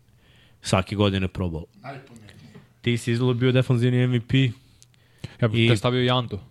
Dobro, Janda je bio pre, proboler Svake svake, godine. godine, ali ti si izgleda bio uvek u najboljim, među najboljim igračima, među najboljim rašerima i mm -hmm. opet deo je odbrane koja se pamti u svojoj Super Bowl. To, to će biti na kraju ono neko meru. Darren Sproles može sačeka malo. Dobro, znači borba između Lyncha, Sprolesa, Staley-a, Taliba i Gatesa. Ja mislim da će Lynch sač, sačekati isto. Da, Zbog ono off the field stvari, realno. Jer nije bio tu baš uzor neki sa svojim um, aj kažem glupostima kad je bio mlad. Kasnije je ono slao dobru poruku u smislu naš radio je dosta za zajednicu svoju dakle, ali vrate ono I'm here just because I don't want to get fined. Da, Da, znači. Kao, znaš, To je pamte na Super Bowlu rekao. Da, da, pa pamte mu to novinari. Koji na kraju dana ono... Bire, pa, koji članovi kuće članovi. Dobro, u jednoglasno šta. Ja bih samo ubacio Gatesa tu kao petog. Pre... Biće, biće, biće napeto, ali ovaj, da, mislim, mislim, igrači će biti, samo je pitanje za koga je ono da bude first ballot Hall of Fame, Da. to, to je u stvari O, ti si u važno. Eli I- Manning, mislim Eli da je Manning će bez. biti, mislim, ne samo zbog prezimena Manning, već i ono, ipak dva Super Bowla protiv Toma. Da, da. Odradiš posao, to osvojiš i mislim čovjek je igrao svaku utakmicu. To je za, ono, respekt. Jednu Jeste. nije startovao zbog trenera. Gospodin ne sačuva, dajte, to nije njegova krivica. Upropastio Niz. niz. Čoveku mogu da bude jedinstvo, ono, unikat u ovoj današnjoj eri. Da, nije da, povredio pa, da Jurio je Riversa i Favra, čini mi se. To ti to. Igraš njih. O, igrao Rivers be- bez ligamenata. Ja ću. Koliko imam dece, Petru, moram da nahranim sto dece. Da Ko, Rivers Petoro? Kad je to bilo? U tom čoveče? momentu. Pa tad u tom momentu. To je 2007. Sedam. Sad. A, dobro, tad. O, do tad je malo pojačao. malo duplo. Pojačao ugovor, pojačao broj dece. Dobro, ima smisla. Koga ne? Hoćemo. Hoće, E, ali imam pre toga nešto. Znači, nećemo. Kaže, hoćemo, ali imam nešto pre toga. Ajde, može. Svima! Dobrodošli u najnovi izdanje 99 Yardi, najavljujemo Super Bowl 58!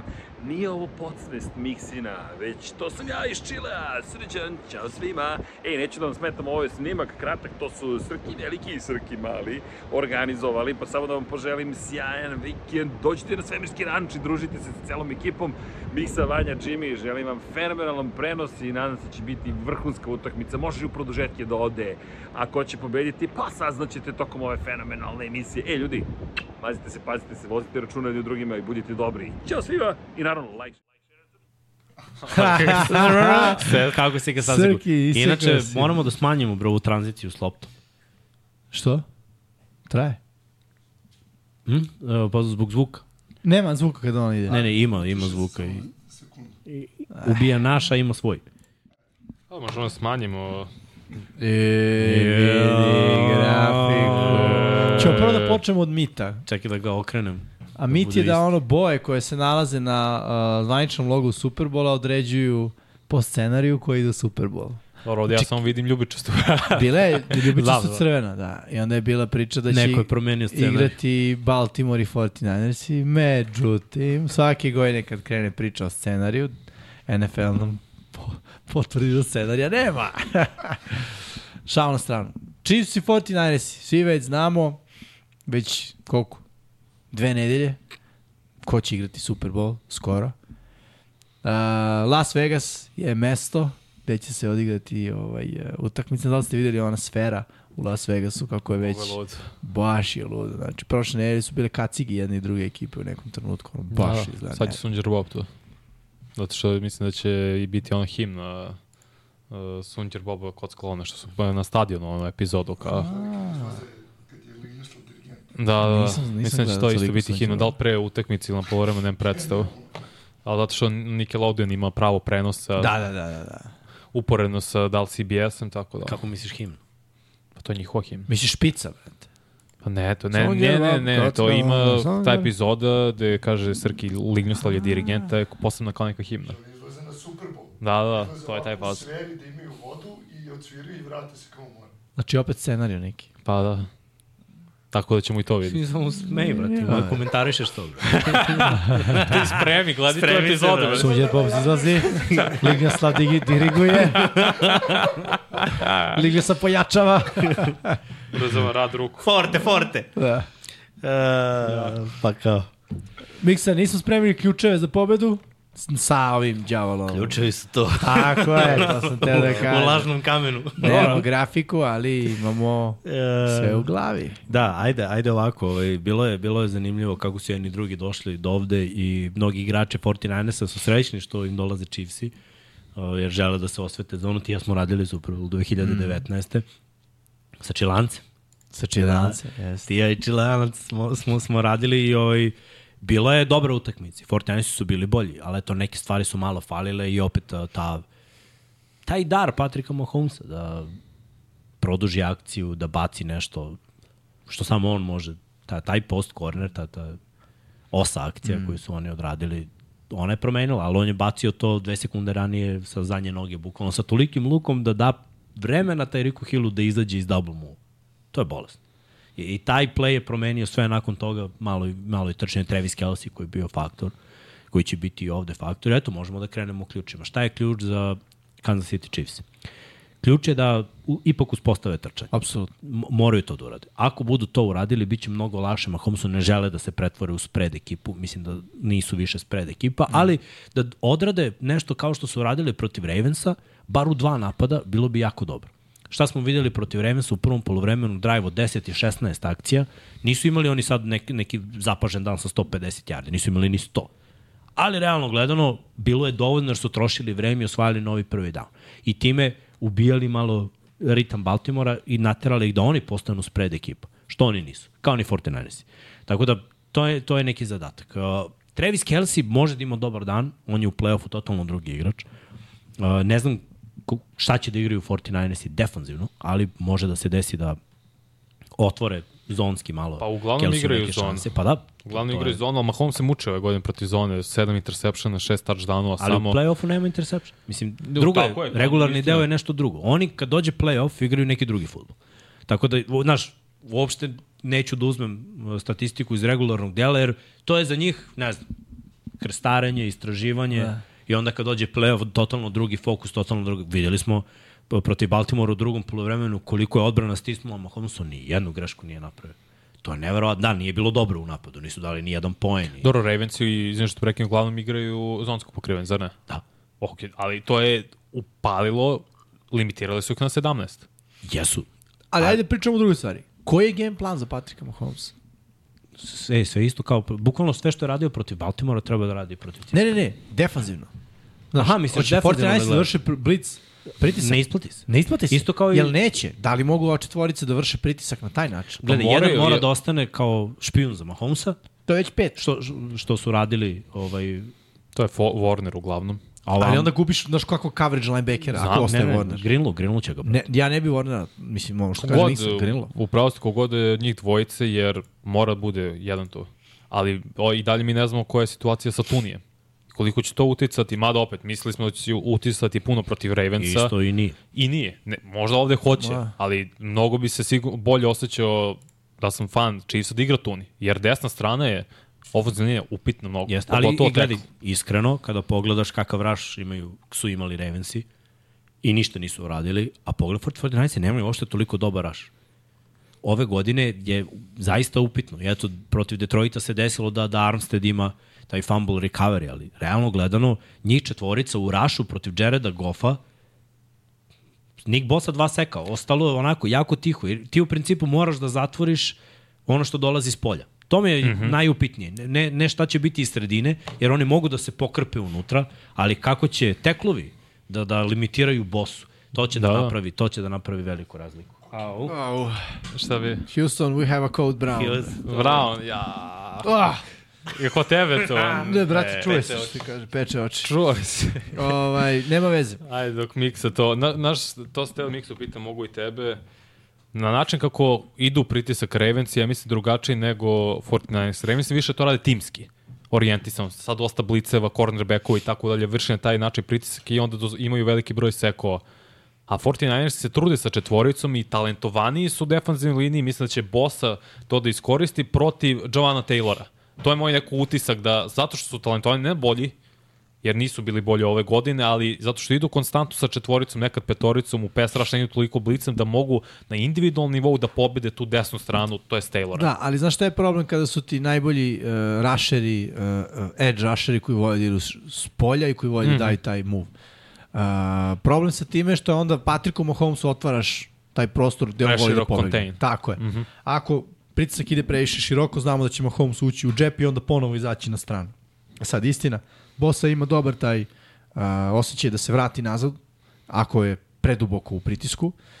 Dobro koristi stantove, isto imaju tu dobro razvijenu hemiju. Tako je, koriste stantove, ali ono, mislim da, znaš, nije za ofenzivnu liniju Chiefsa toliko teško da pokupe te stantove uh, 49ers. I ono što je Miksa malo pre rekao, potpuno si je u pravu, a to je da ovaj taj pritisak 49ersa nije baš na tom nekom nivou na kojem bi bilo zadovoljavajuće, ajde da kažemo, Nije, nije. protiv, protiv Kansas City Chiefs. I njihovu ofenzivnu liniju zapravo treba da pobediš na taj način, ne toliko nužno jedan na jedan u situaciji. Mm -hmm. to, je- to je neki moj, neki moj doživ. Isto tako, dobro je bilo pobediti ih uh, kroz sredinu, a ne znam da li to mogu da urade da li to mogu da urade 49ersi.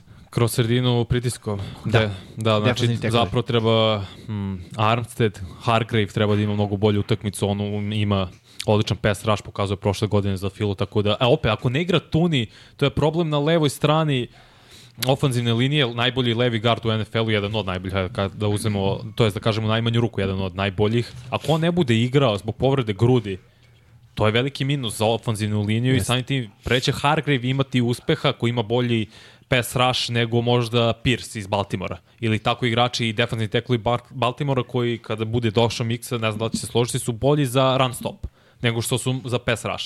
Zato gledam ka tome da ovi su imaju Više bolji bolju- skill set mm. da se suprostave ovoj ofanzivnoj liniji nego što što imaju Ravens koji su prvo run stop ekipa pa onda rush ide i pritisak uz pomoć bliceva. E, ima smisla, pravu si, i mislim da je tu zapravo ključ su ti uglovi pod kojim će defanzivni endovi 49ersa napadati. Mm -hmm. Da li će ići široko s idejom da se vrate ili će ići plitko s idejom da se ono disengage od svog tekla i nastave široko ukoliko Mahomes krene da beži s polja. Mahomes često ne beži s polja na taj način.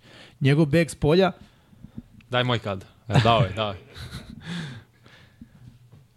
Ra, nastavi. Da, uh, uh, Mahomesov beg, beg s polja izgleda tako što on prvo uđe u džep mm -hmm. i onda pobegne, kažem, u otvor koji se, koji se stvori između tekla i, i garda. Mnogo jako. Mnogo jako. Nastavit ću ja sad tamo da... Ono što me zanima, da li, da li bi ti onda pre napao sad kao defensive tackle A gap ili B gap? Da li bi išao na Hrida Humphreya kao jednog od najboljih centara ili bi gađao više teklove koji su i Donovan Smith i Taylor slabi još ako ne igra, izvinite, Tuni? Da. Pa ti kako god da kreneš iz sredine, ti ćeš dobiti centra, jer centar uvek ima svoj zadatak mm -hmm. uh, da pomogne mislim da pomogne, osim ako nema tehniku nula direktno preko puta sebe, a 49 ne igra. Ne igra se nose tackle, baš, Da. da. baš retko. Ovaj, tako da uh, Dobrodošao nazad. Evo, postavit ću tebi isto pitanje što je Jimmy, ne znam da li si čuo i koliko. A što misliš o tome? Ja samo mislim zbog skill seta defanzivne linije Pa gledaj, oni 49ersa, jesu- više pass rush nego Ravensa, koji je run stop prvo. Pa ono, jesu više run stop i bolje su, talentovaniji su 49ersi zapravo uh, za rush, ali nisu ove godine pokazali to. Ravensi su zapravo ove godine, mm. mislim, Madubik je bolje odigrao i od Hargreva. Mm -hmm. Danas ste da? Uh, ne samo kao run stopper, nego kao Dobro, run stopper i, 13 i, i sa sekova, da, da. sekovima. Što znači da, znaš, je doprinao na taj način. Kada pogledamo edge rushere, sramota je malo za, za Bosu i, i Younga i mislim kogod da stavimo na, na tu spoljašnju poziciju. Gregory. Što, što su Ravensi sa nekim imenima. Mislim, Van Noy i Clowni su imali 20 sekova zajedno. Ja mislim samo da su išli više u blici, da su na taj način stvarali ali pritisak. Van Noy i Ne, znam, znam, Clowni znam. su imali 20 sa ono, edge rushera. Ne, ne, jasno i to, Bosa ako ideš, koristiš posao. više bliceva, njima će pa, biti lakše. Nije uvek bilo tako, Vanja. Sa, zato ne, ne, znam koji, ne znam koji je procenat toga, iskreno, koji je, imao više bliceva i to. Kad gledamo sekove kao tim, Ravensi imaju veliki broj sekova mm -hmm. sa drugim pozicijama, sa linebackerima i defanzivnim bekovima. Ali kad pogledamo samo D-line, D-line ima više sekova od D-line-a. E pa to, to, to ne znam sad, hoću. Ali možda- opet, Bosa je igrač koji će napravi razliku. Uh, Younga nisam vidio jednostavno na tom nivou. Boss uvek pravi razliku. On će naći dve, tri akcije, u, znaš, kada će pobediti tekla, kada će, opet gledaj kako je on došao do dva seka protiv Detroita. Bio je blic. Tako je, tako. Suel je morao da se odluči koga će da D-line pokupi. je došao do seka, ali Tekli je izabrao, znaš, bio zbunjen malo koga će da, da čekira, koga će da čipuje, koga će da blokira i tu je Bosa iskoristio svoje. To su neke stvari kako može da se ovaj zamaskira i, i da se proba. Svakako ne bi često išao na blitz protiv, protiv Mahomesa, jer mislim da se ne isplati uopšte, ali može, može biti uspeha se u, u pritisku. Da. Baltimore sme- nije mešao karte u prvom poluvremenu i bi, bi delovalo je katastrofa u smislu nema pritiska, drive od 16 akcija, Mahomes ima vremena koliko hoćeš. Tako je. Seti se, seti se Superbola 2019. kako je Cisco držao u check downu bukvalno Mahomesa u prvom polovremenu. Nije bilo dobro. A bio je raš sa četiri igrača. I onda odjednom, iako je pro, prolazio, iako je bilo pritiska, Mahomes se navikao na taj pritisak i posle bilo kasno. Krenulo je trčanje, krenuli su check down, dodavanja ono, za, za, za running backove, Kelsey je proradio i ono, dva, tri big playa i ćao. Bukvalno, bukvalno su, Mahomesu ne smeš, to što kažeš, mora, meš, mora mešaš karte. Moraš mešati. Jer čak i da vršiš konstantno pritisak, u jednom trenutku on će se navikne na taj pritisak, klik je ono neverovatan. Da. I posle toga druga priča. I još jedna stvar, ako imaš četiri u pritisku, jedan Mhm. uh -huh. koji je špijun na Mahomesu, to je pet, ostaje ti šest u coverage Uh, ti obično hoćeš da imaš plus jedan na svakoj strani, znači ako izađu u doublesu, imaš 3 na 2, 3 na 2, to su šest igrača, niko ne, ne, ne, ne obraća pažnju na running backa. U toj konstelaciji. Ako imaš nekog na running backu, onda ti pozadi ostaje još manje ljudi. A to je 5 na 4 hvatačkih opcija. Što znači da će biti man to man pokrivanje. Ako je man to man, Chiefs sa svojim crossing šemama, opet su u prednosti. Pa i big play. Na toj strani. I big play isto, jer mislim s druge strane im je prome. Thomas na, na, na ovaj Vaske. korneru, da. znaš, desit će se. Mislim, Chiefs žive od toga da neki njihov playmaker napravi akciju. E pa to je pitanje da li će Ward inače ne putuje toliko sa glavnim hvatačem. Može putuje kad je tu DK Metcalf on u zatvara pitanju. jednu stranu. E pa to, to je njegov zadatak. Znači nećemo toliko gledati duel možda njega Rašija Rajsa, nego njega i kogod je na njegovoj strani. Ne očekujem, ne mora da znači. Ne očekujem da, mm, ali ja ne može, očekujem. znaš, može da bude neka zamisao u nekim situacijama. U zavisnosti od toga ka, mora, mora malo da vidimo kako se otvara utakmice. Biće neki adjustment sigurno kako bude prolazio. Jer neće tvrdoglavo ni jedan ni drugi ostati pri inicijalnoj zamisli mm. ako ne ide. Znaš, na primjer, ako Ward zatvara, ne znam, petog Watsona, na primjer, a ovamo Rašira izdivlja na levoj strani. Mislim, ja da sam DC rekao bi, ok, menjamo plan, drži Rašija, Da, da. mora da čuvaš njega, ne, ne možemo ga pustimo da ima 200 yardi ruki u, u Superbolu. Baš me zanima, zato jedva čekam meč, jer ima dosta načina jedni i drugi da, da, da rade svoje stvari.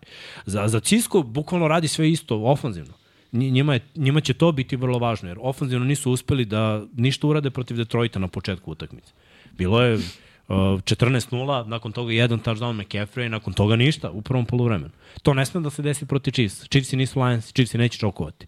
Chiefsi ne u ako povedu, ako poluvremenu. povedu Chiefsi, oni će da, oni A. čak i ovaj, ove godine imaju tendencije da, da čokuju, da ne daju poen u drugom polovremenu. Ali ako naprave prednost u prvom, često znaju da je zadrže do kraja. Uradili su to protiv Dolphinsa, protiv Ravensa i verujem da će u Superbowlu biti nešto potpuno drugačije. Tako da koristi McCaffrey-a, koristi Samuela, koristi Ajuka, Ajuk ti je ono glavni igrač, probaj da njihov sekundari koji je brutalan, koji ima jako dobre igrače, nateraš malo, razvučeš malo. I koristi play action mm. i taj misdirection, te opet crossing rute, jer i oni vole da igraju man coverage. Pokušaj da pronađeš Juščeka koji je bio važan u utakmici protiv Lionsa sa par hvatanja, probaj Kittle, da, da se on malo razigra i broj jedan stvar, uh, čuvaj Broka Pardija jer on voli da bude u džepu, da dodaje kroz sredinu. Ovi imaju najbolje bloke, mislim, Chris Jones sa, samo zakači loptu da je podigne gore, to je interception koji čeka da se desi. Da, Karlaftis Edge rusheri su isto jako dobri, tako da mora da, da zadržiš quarterbacka u džepu, ali da bude miran, da ne paniči i, i da odigra dobar meč kao što radi u drugom polovremenu utakmici. Jer ne smeš da ga staviš u situaciju da, na primjer, kao protiv Lionsa, baci interse, skup interception kroz sredinu, Da. zato što se osetio nesigurno u jednom trenutku i probao da isforsira. nešto. Ali osjeća će se uvek nesigurno zato što desna strana Feliciano guard tackle je Mekivic popušta. Konstantno popušta, konstantno je loša ove godine i to bi trebao Karlaftis da iskoristi Mike Dena, to bi blicevi koji radi i idu u blice, Trent McDuffie, cornerback radi sjajan posao, isto to da koristi Spanulo kao defensivni koordinator, što više toga, jer to očigledno i dalje nije provalio taj aspekt igre Brock Pardy, jer se previše komfortno oseti u džepu i nekada mu je pogled na kompletno drugoj strani ne okreće se na drugu stranu terena. E, pa to, to ti je game plan, znaš. Sad, to smo pričali i prošle nedelje. Improvizacija, kad imaš game plan i kad veruješ game planu, improvizacija ne postoji. Uh, znaš, baš sam razmislio do prošle nedelje ono što, što smo pričali i ove nedelje za improvizaciju. Mahomes ima odrešene ruke. On je ono kao u muzici virtuoz. Prva violina, znaš. On može da, da uzme, da, svi ostali imaju note. Oni sviraju nešto drugo. I onda on može preko toga da solira. I on može da improvizuje. Ali koliko imamo takvih virtuoza koji mogu da, da improvizuju? Ne. Znaš, bro, mnogi nisu na tom nivou. Lamar isto nije bio na tom nivou. On ima game plan, ima svoje note, radi to što mu je rečeno, veruje game plan, ako se desi, desi. Isto i Brock Party. On veruje game plan. I game plan kaže, budi u džepu i gledaj ovo da se otvori. I ako se to ne otvori, pa bolje veruj da će da se otvori, Dobro, Lamar mnogo da bolje noga može da kreira i improvizuje svakako Može, nego ali- ali- većina quarterbackova. ali veruje ove godine je verovao dosta u game plan i u to da ako je pozvan uh, pass play, mm -hmm. da ne improvizuje, da ne trči, nego da čeka da se razviju te rute na toj strani i da doda. I to radi Brock Pardy. I mislim, obojica su bili uspešni ove sezone. I sumnjam da će sad u, u Superbolu menjati nešto. Znaš, da, da će ono, ako ima tri rida s leve strane, da biće miran u džepu, gledat će te ridove, ako nema toga tu, pretrpeće sek, takav je, ono, idemo sledeći drive. Ili ćemo na sledećem playu napraviti akciju za novi prvi down, ako je bio treći down, pantujemo pa živimo za sledeći drive, jer a, to ti je u stvari igra sigurno quarterback. I ja nemam problem sa tim. To su quarterback koji bolji to da uradi nego da forsira i da baci interception. Slažem se. E, tako može više da, da našteti ekipi, ako bude forsirao. Ovako, i bit, bit će šansi. 49 će imati svoje šanse. Chiefs se neće prošetati protiv ove odbrane i neće imati brda pojena na, na, na utakmici. Neće prebaciti 30. Neće. Ja ne očekujem. Neće, bit će ovo uh, uh, uzbudljivo do samog kraja. Uh, po meni dve vrlo slične ekipe, da ne kažem identične, u smislu dva glavna trenera, dva ofanzivna uma, uh, ofanzivni princip sličan, imaju jedni drugi, kažeš, nisu spread ekipe, imaju formacije sa uh, hvatačima relativno blizu ofanzivnoj liniji, jedni drugi, jedni drugi rade motione, A, s tim da ako pogledamo individualno, ono, na stranu Chiefsa ide pozicija quarterbacka. Apsolutno. Što se taj ten pozicije tiče, ide na stranu Chiefsa, ali nije velika razlika. Što se hvatača tiče, ide na stranu 49ersa. Running back ide na stranu 49ersa. A, ofenzivna linija jedni i drugi, ako bacimo poređenje, tu su. Mislim, bolji su 49ersi, ali nisu mnogo bolji. Pa bolje je, ali e, vidiš, opet Matchup to, misliš da je bolji. pa isti je matchup. Desne je strane su upitne, jednih i drugih. Tako je, Samo je isti je problem matchup. što Tuni možda ne igra i onda je to dodatna rupa eventualno liniji. Chiefs. Slažem se. Što se tiče odbrane, takođe, o, 49ersima fali sekundari, Chiefs imaju odličan sekundar. Da. Uh, Chiefs imaju jako dobre linebackere, jako dobre linebackere imaju 49ersi, defanzivna linija je tu blizu, možda, Chiefs možda. imaju bolju odbranu. Mislim, Real. I ja to isto mislim. njihova odbrana u I play-offu po je, meni, je bolja. još elitnija. jedina stvar koja će praviti glavnu separaciju na ovom meču, to je taj moment iskustva igranja u ovakvim utakmicama. I zato mislim da to ide na stranu Chiefsa. Mislim da 49ersi i dalje imaju choke moment i mislim da će to biti... Realno, mene 49ersi nisu ubedili u playoff ovom, ovom ranu. da, da su oni ekipa koja će koja je kadra da osvoji Super Bowl. Protiv Green Bay Packersa vrlo diskutabilno, vrlo tesno. Realno Packersi nisu ta ekipa. Packersi ne treba da budu ta ekipa koja će da te, da, da te namuči, protiv koje ćeš da gubiš i da pobediš ono nakon preokreta. Znam, zato ja kažem... Detroit Lionsi nisu ta ekipa. Nisu. Budimo realni. Nisu ta ekipa. Pomučili Dobra su ekipa. Pomučili su se ozbiljno. Muški su se pomučili da dođu. Sa druge strane imamo Chiefse koji, kao što si rekao, kad Gledaj, uđu u Chiefsi su se play-off, mučili, ali su rešili obe utakmice i iako je pa da kažemo, narativ bio takav da će biti kao teško njih. igrali. Dolphins. Prvo sa Dolphinsima, ali to su lako rešili. Pa na svom Bills. terenu. Ali Onda su- protiv Billsa u Buffalo narativ je bio prvi put gostuju. Jeste, ali nije ni tu bilo preveliko mučenje. Mislim, budimo Pa nije, u jednom trenutku je delovalo da, mislim, nakon fumbla Hardmana i nakon onog touchdowna Alena iz Krembla kada, kada je bacio Shakiru, otvoreno je bilo za Bills. Billsi su mogli da reše tu utakmicu. Imali su svoje napade. Jesu, ali su Billsi Ali nisu, imali jer su- choke moment. Imali su. A Chiefsi su odradili svoj posao. Utakmica protiv Ravensa, Ravensi su imali tri svoje Ali momenta, su a puta- Chiefsi su odradili posao. Chiefsi odrađuju posao. Oni Slažem ne šokuju i gledaj, pritisk, ofanzivno rade posao dovoljno da pobede, defanzivno zatvaraju protivnika i stavljaju ga u panic mode. Ove godine smo videli više puta uh, Pardija u panic modu nego što smo videli Mahomes. I sad je utakmica kad mora da bude nema miran. panic mode, Da. bukvalno. Kad smo videli posle put Chiefs da su u choke modu. Ne postoji Pa, to. Dešava Vidi, se. čak i kad smo videli ko je choke hvatači. Da, a i dešava se malo u regularnom delu. Mislim, ona utakmica kada je Mahomes bio bolestan, bio užasne odluke donosio, ali to je Istina. za njih nebitna utakmica, jer, mislim, oni, to, oni neće razmišljati o tome nikad više. Stigli su do Superbola i brigi. Tako je. Kad ih je Brady pobedio u Superbolu, odličan defanzivni game plan, je li tako? No. Mahomes nije čoukovao, čoukovali su hvatači koji nisu hvatali, No, koji I su ispuštali lopte. užasno. Kelsey se nije pojavio na tom meču, Niko se Na nije primer, pojavio ofenzivno. niko se manje više nije pojavio osim Mahomesa na tom meču. Nekako ne vidimo da će to biti slučaj sada. Rashid Rice odlično igra. Ne vidim zašto bi čoukovao. Online igra bolje, ko coaching je bolji, trčanje imaju za razliku od tada. Tako je. Sve može da Prosto se desi. u mojoj glavi ono vrlo e, dve vrlo vrlo slične ekipe. Ajmo Šta je- coaching. Pa i coaching je sličan. Coaching jeste sličan, ali... S tim ovaj, da Andy Reid nema choke moment kao što ima Nema ima zato što ima Mahomesa. Tako je, zato što ima Mahomes. Ali Andy Reid ima Oni su moment ono, isti. brate, kakva je ovo odluka. Oni su Ne, ne, isti, oni dvojica su isti. Isti. Isti su. Obojica veruju u svoje playmakere. Što na kraju, kad imaš malo slabije playmakere, može bude problem. Jeste, Ali ali gledaj, ti da daš dva reversa Hardmanu i onda ima dva fumbla na dva reversa, mislim 100% je fumble. da. I ti, ti dalje veruješ u njega. A dok ovaj veruje veruje. u mnogo bolje playmakere. Znam, Nego ali to kažem, to može da bude A razlika. znaš, što je, znaš kako ja to mislim? Ja mislim da on ne veruje konkretno u igrača. Veruje, On veruje u play. On veruje u Veruje u play, ali On veruje u play i veruje da taj play može da ono, izvrši bilo ko. Andy je players coach. On će, on, gledaj, seti se u Fili, svima je dao šansu. Aj, Borazer je bre Vika izvuku iz zatvora da igra startnog kotrbe. Dobro, ali uvek je ja bio mislim da takav. on nije tip koji daje šansu, nego da je tip koji napravi takav playbook, da je Napravi teško da ga, playbook. da ga, znaš, nije kao ovo je go to guy, ostali su, a, treća opcija. Upravo si. Svako ima svoj share. Svako ima svoje. Ali ponekad veruje u momke na akcijama kada nema potrebe. Na primjer, Mikol A Haldman... zato nije moment iznenađenja. Pa gledaj, uh, pone, zašto iznenađenje? Čak i za njega. Ne, ne, Jeste ne, ne, kad ne, izvuče, jeste, da, jeste iznenađenje, ali nije 91.. iznenađenje uvek dobro, nekad je neprijatno iznenađenje.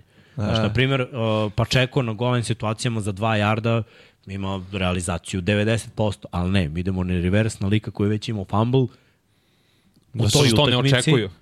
Znaš, ono, zašto?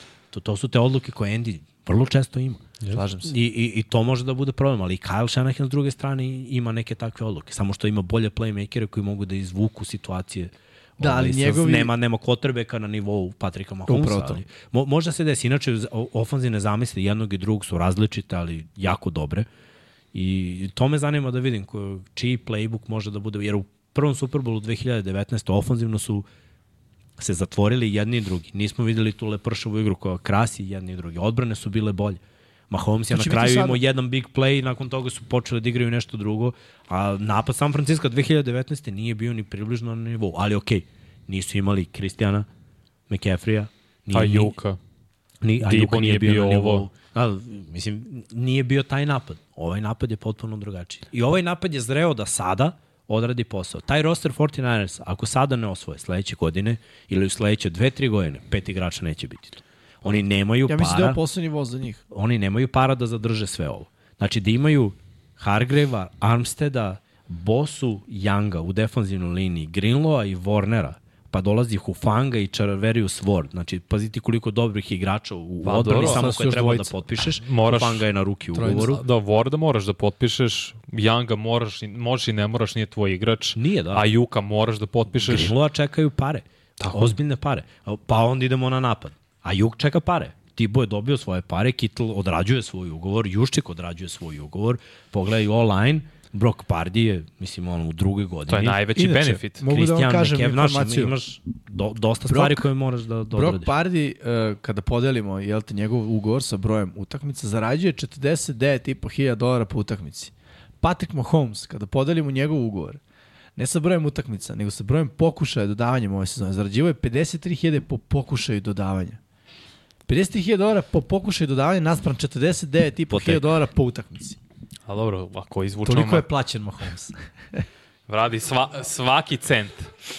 Ono što sam teo kažem, mislim da će biti iskreno 24-13 i naginje ka Chiefsima njihovoj odbrani koja sprečava sve ove, u ovom play-offu. Ispod 14 pojene i generalno dozvoljavaju prosek ove tri utakmice i ne verujem i ne vidim način kako će da se istaknu toliko i Ajuk i Dibo Samuel pored Snida i pored McDuffie. Ti imaš dvojicu kako. vrhunci koram. Imaš i safety je dobre. Mislim, ceo sekundar je mlad, grize, udaraju jako Edwards, Justin Reed takođe. Ne da, ne da Bog Znaš, Bolton da te daš, pokosi. daš protekciju i pošto igraju man coverage, teraš ih, gledaj, uh, uzmemo uzorke. Uh, Billsi su imali dosta yardi na, na crossing rutama. Imali su nekoliko vertikalnih, na vertikali nisu dobri. Billsi su propuštali vertikalne prilike. Stefan Diggs je imao Ali setite se ko je, ko je bio najbolji što se Billsa tiče. Ili ko je bio najveći utisak. Kincaid.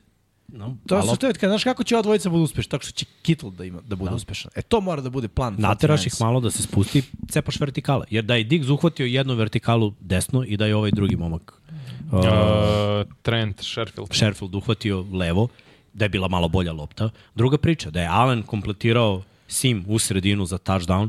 Druga priča, da je Zay Flowers odradio opet vertikala jedna, druga vertikala je bila touchdown.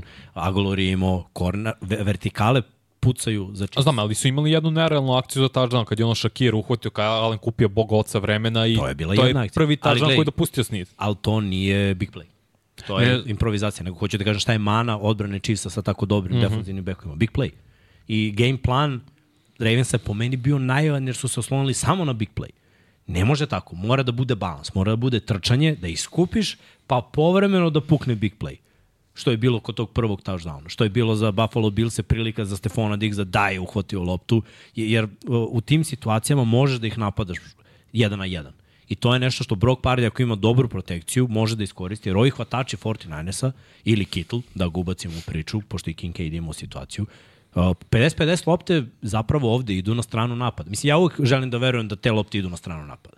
Jer Dobro. defanzivni igrači, koliko god da su u dobroj poziciji, oni prvo gledaju tebe pa loptu, a ti gledaš loptu. Tebe ne zna, ti mislim, igrač ti je tu, ali ti imaš prenos. Prvo znaš gde trčiš rutu, quarterback ti baca loptu, on zna gde trčiš rutu. Kapira, mi već imamo ofanzivno neke prednosti. A dobro, vidiš ti Chiefsi u play-offu od, u defanzivnom dopuštaju po utakmici jedan big play. Kako su Dolphinsi postigli touchdown? Na Pa big nisu play. propustili jedan big Ne, play. ne, pa Jedan big play za touchdown možda, ali... tako je. Uh, I Safe Flowers je bio big play ali touchdown. imao i onaj za prvi down kada je došao unutar 10, to je Ok, bio big play. i posle su iskupili. I Agolo vrlo je bio big play. Big play mislim da ide stvarno 25 plus, ja- 20 plus yardi. Ne znam šta je definicija big playa, Pa. nego kad kažem big play, mislim da ide 30 ili više, da ima to kao što je Al, bi imao Hill, kao što je imao Zay Flowers. svaki- na, na postignu touchdown na big play. Svaki 5 step drop sa rutom koja je 20 plus yardi je big play. Znam, znam. Tu, tu, tu I svako trčanje mislim. 15 yardi duže Ali je big trčanje je play. nešto drugo. Trčanje mora da zaradiš, a ovo je 1 na 1. Oni žele da brane big play 1 na 1. To je mana. To je mana ako quarterback zna da baci i ako uh, hvataš zna da uhvati. Ali znaš je to miksa ide u kombinaciji sa time što tako brane, ide pritisak. Ide, Jer oni i to šalju i- pet Ide vrhu, ali ili lej, šest i nek- nadaju se da nema big playa, jer nema vremena. Kotre baca sa zadnje noge balon, ta lopta putuje dugo, vraća defanzivca u igru. I to je legit. Ali, kada ofenzivna linija pokupi blic, e, tu nastaju problemi. Tako je. Ali to je prosto rizik s kojim igraš. Ali ono. sa ovakvom ofanzivnom linijom 49ersa, mislim, ja bih planirao da imam nekoliko tih akcija. Jer, opet evo pogledaj, malo imaju sreće 49ers isto na tim big playom. A Juki imao prvi down skoro touchdown na loše dodavanje Pardija kad je isto bio pritisak, kada je bio pokupljen od strane ofenzivne linije. I njihovi, ja jednostavno verujem u ove playmaker. Isto s druge strane verujem u Kelsey. Ako je lopta 70-30 u korist defanzivca, Kelsey će uhvatiti. A vidiš, uglavnom... I, isto ovako Ayuk i Kit, to su igrači koji hvataju nemoguće lopte kad im nisu lopte ono na izvolt. Znači, uzimamo pre Kelsija nego Greenlaw, je, kažem Greenlaw zato što je Greenlaw najviše puta bio u coverage na taj tendovima ove godine. 42 puta, Warner 28. Znači, onda je to match-up jedan na strani Da. da. napada Chiefs odbrane 49ers. Onda gledaj, Warner je onda zadužen u toj situaciji za running backa i Mahomesa koji scramble. To, mislim, to ima smisla. Samo što ja Zato sam rekao da je, da li bi- da je Warner špijun, zato što se više puta dešavalo da ide u 49ersi ne igraju pokrivanju... toliko man coverage. Pa, Mislim, Ne, oni igraju, zonu. Oni igraju pre, šest, pre da, svega ali zonsko pokrivanje. To samo znači da se Greenlaw postaje na strani da je taj ten. Ali vidiš, Warner je ostajao i za Lamara protiv Baltimora, na primjer. A, mislim, ne znam s kim da poredim, igrali su samo sa Ravensima od tih ekipa sa pokretljivim quarterbackom. Tako da je bio tu, pazio Ne, ali je ja na, na backfield mislim šta da, se vidi, dešava. Po meni kada ti staviš uh, špijuna na quarterbacka, ti si priznao da nemaš dobar pritisak. Prosto ono, D-line neće uraditi posao, Pa- moramo da uzmemo još jednog igrača. I recimo to je bila i filozofija Ravensa protiv Patrika Mahomesa. Ono. Nećemo to da priznamo, nego ćemo da imamo četvoricu sa jako kasnim ono, pritiskom na Mahomesa samo ako krene da trči. Dobro, zar nije Warner bio i kod Hrca isto? U glavnoj ulozi špijuna.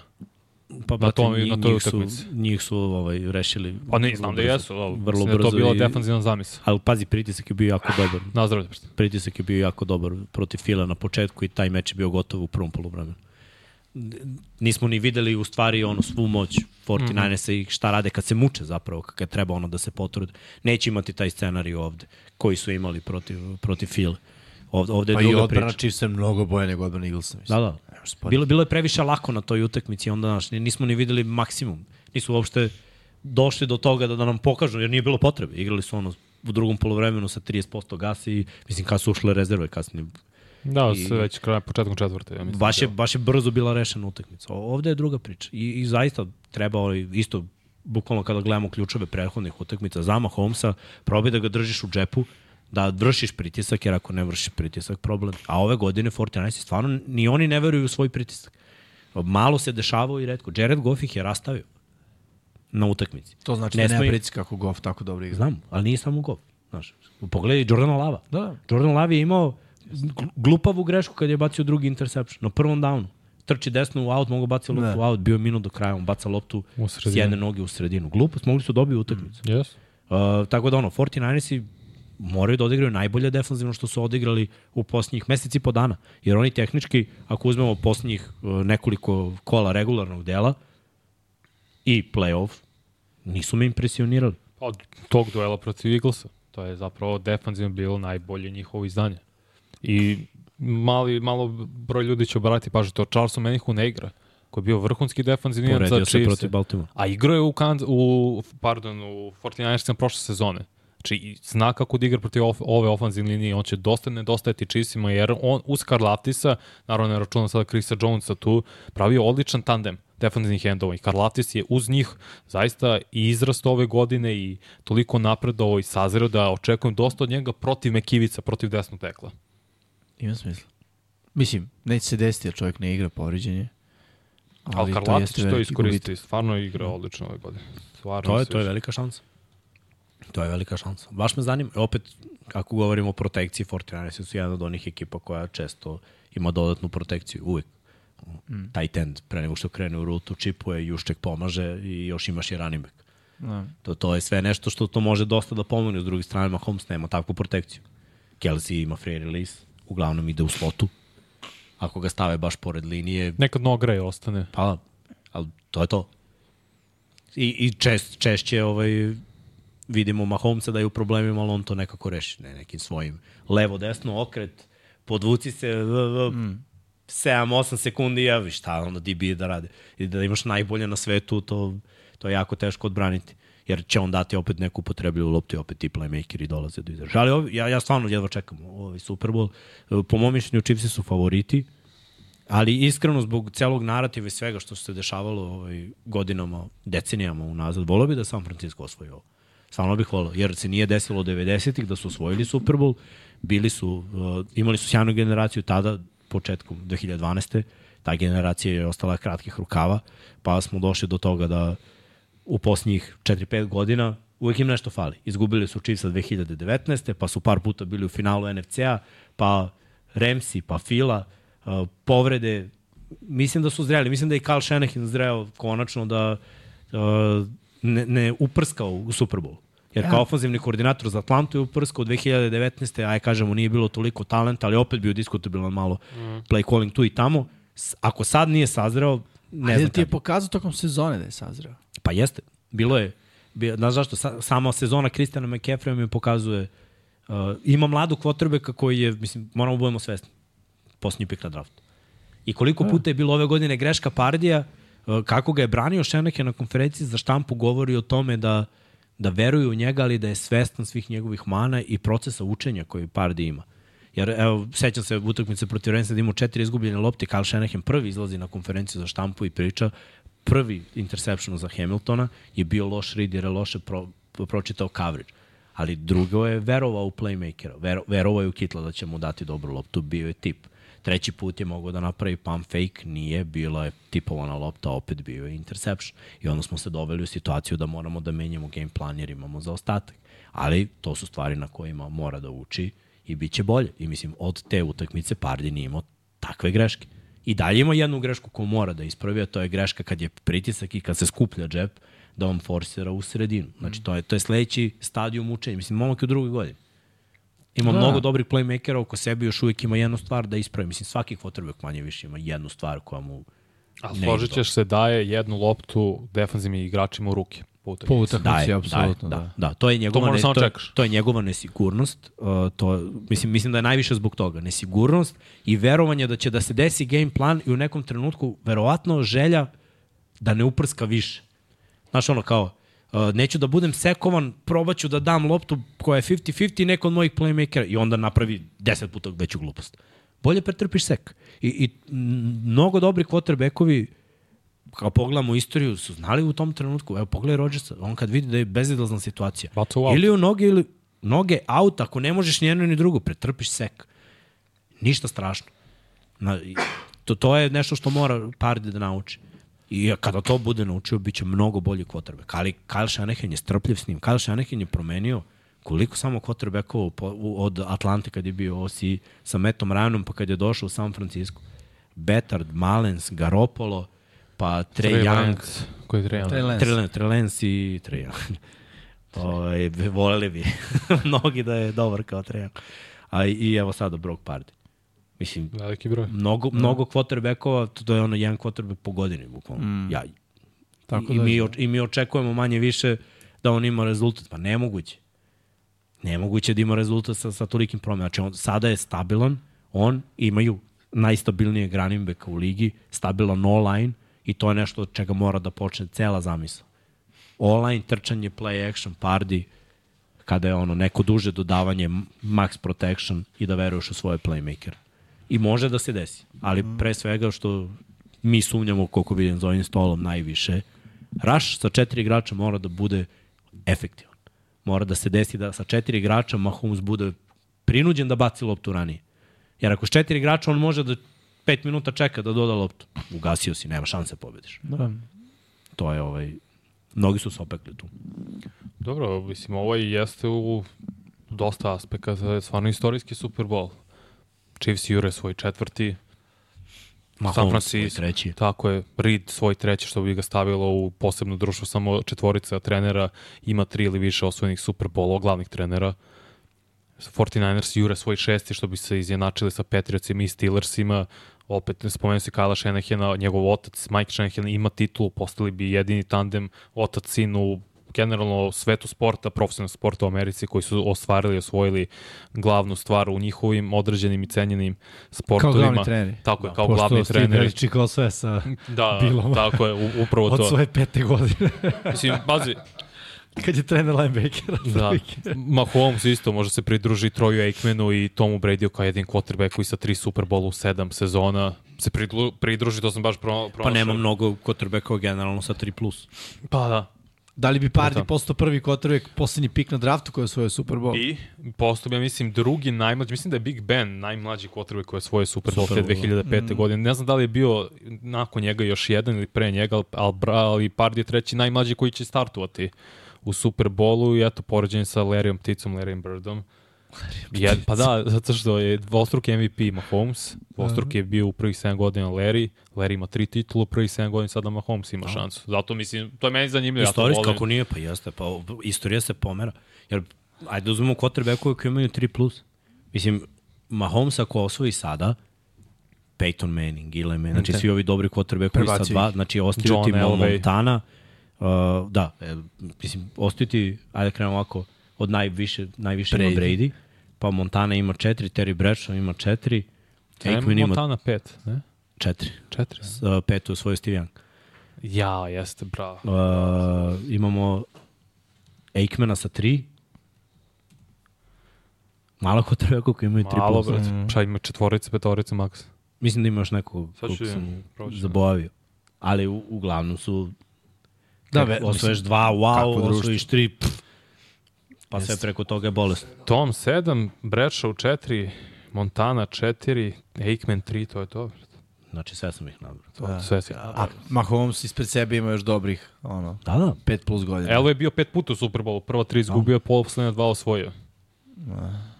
Ja, to Pogledaj velikane ere koju smo mi gledali. Mislim, osim Brady-a, Yes. Mahomes je izjednačio sa svima. Pa ovo je Ili prebacio, Rodgersa Da. prebacio. četvrti Super Bowl Brisa Mahomes. prebacio. Izjednačen je sa Peytonom Milajem, da. sa Big Benom. Mislim, Samo Elvo i Brady su više puta igrali u Super Bowlu kao starteri. da.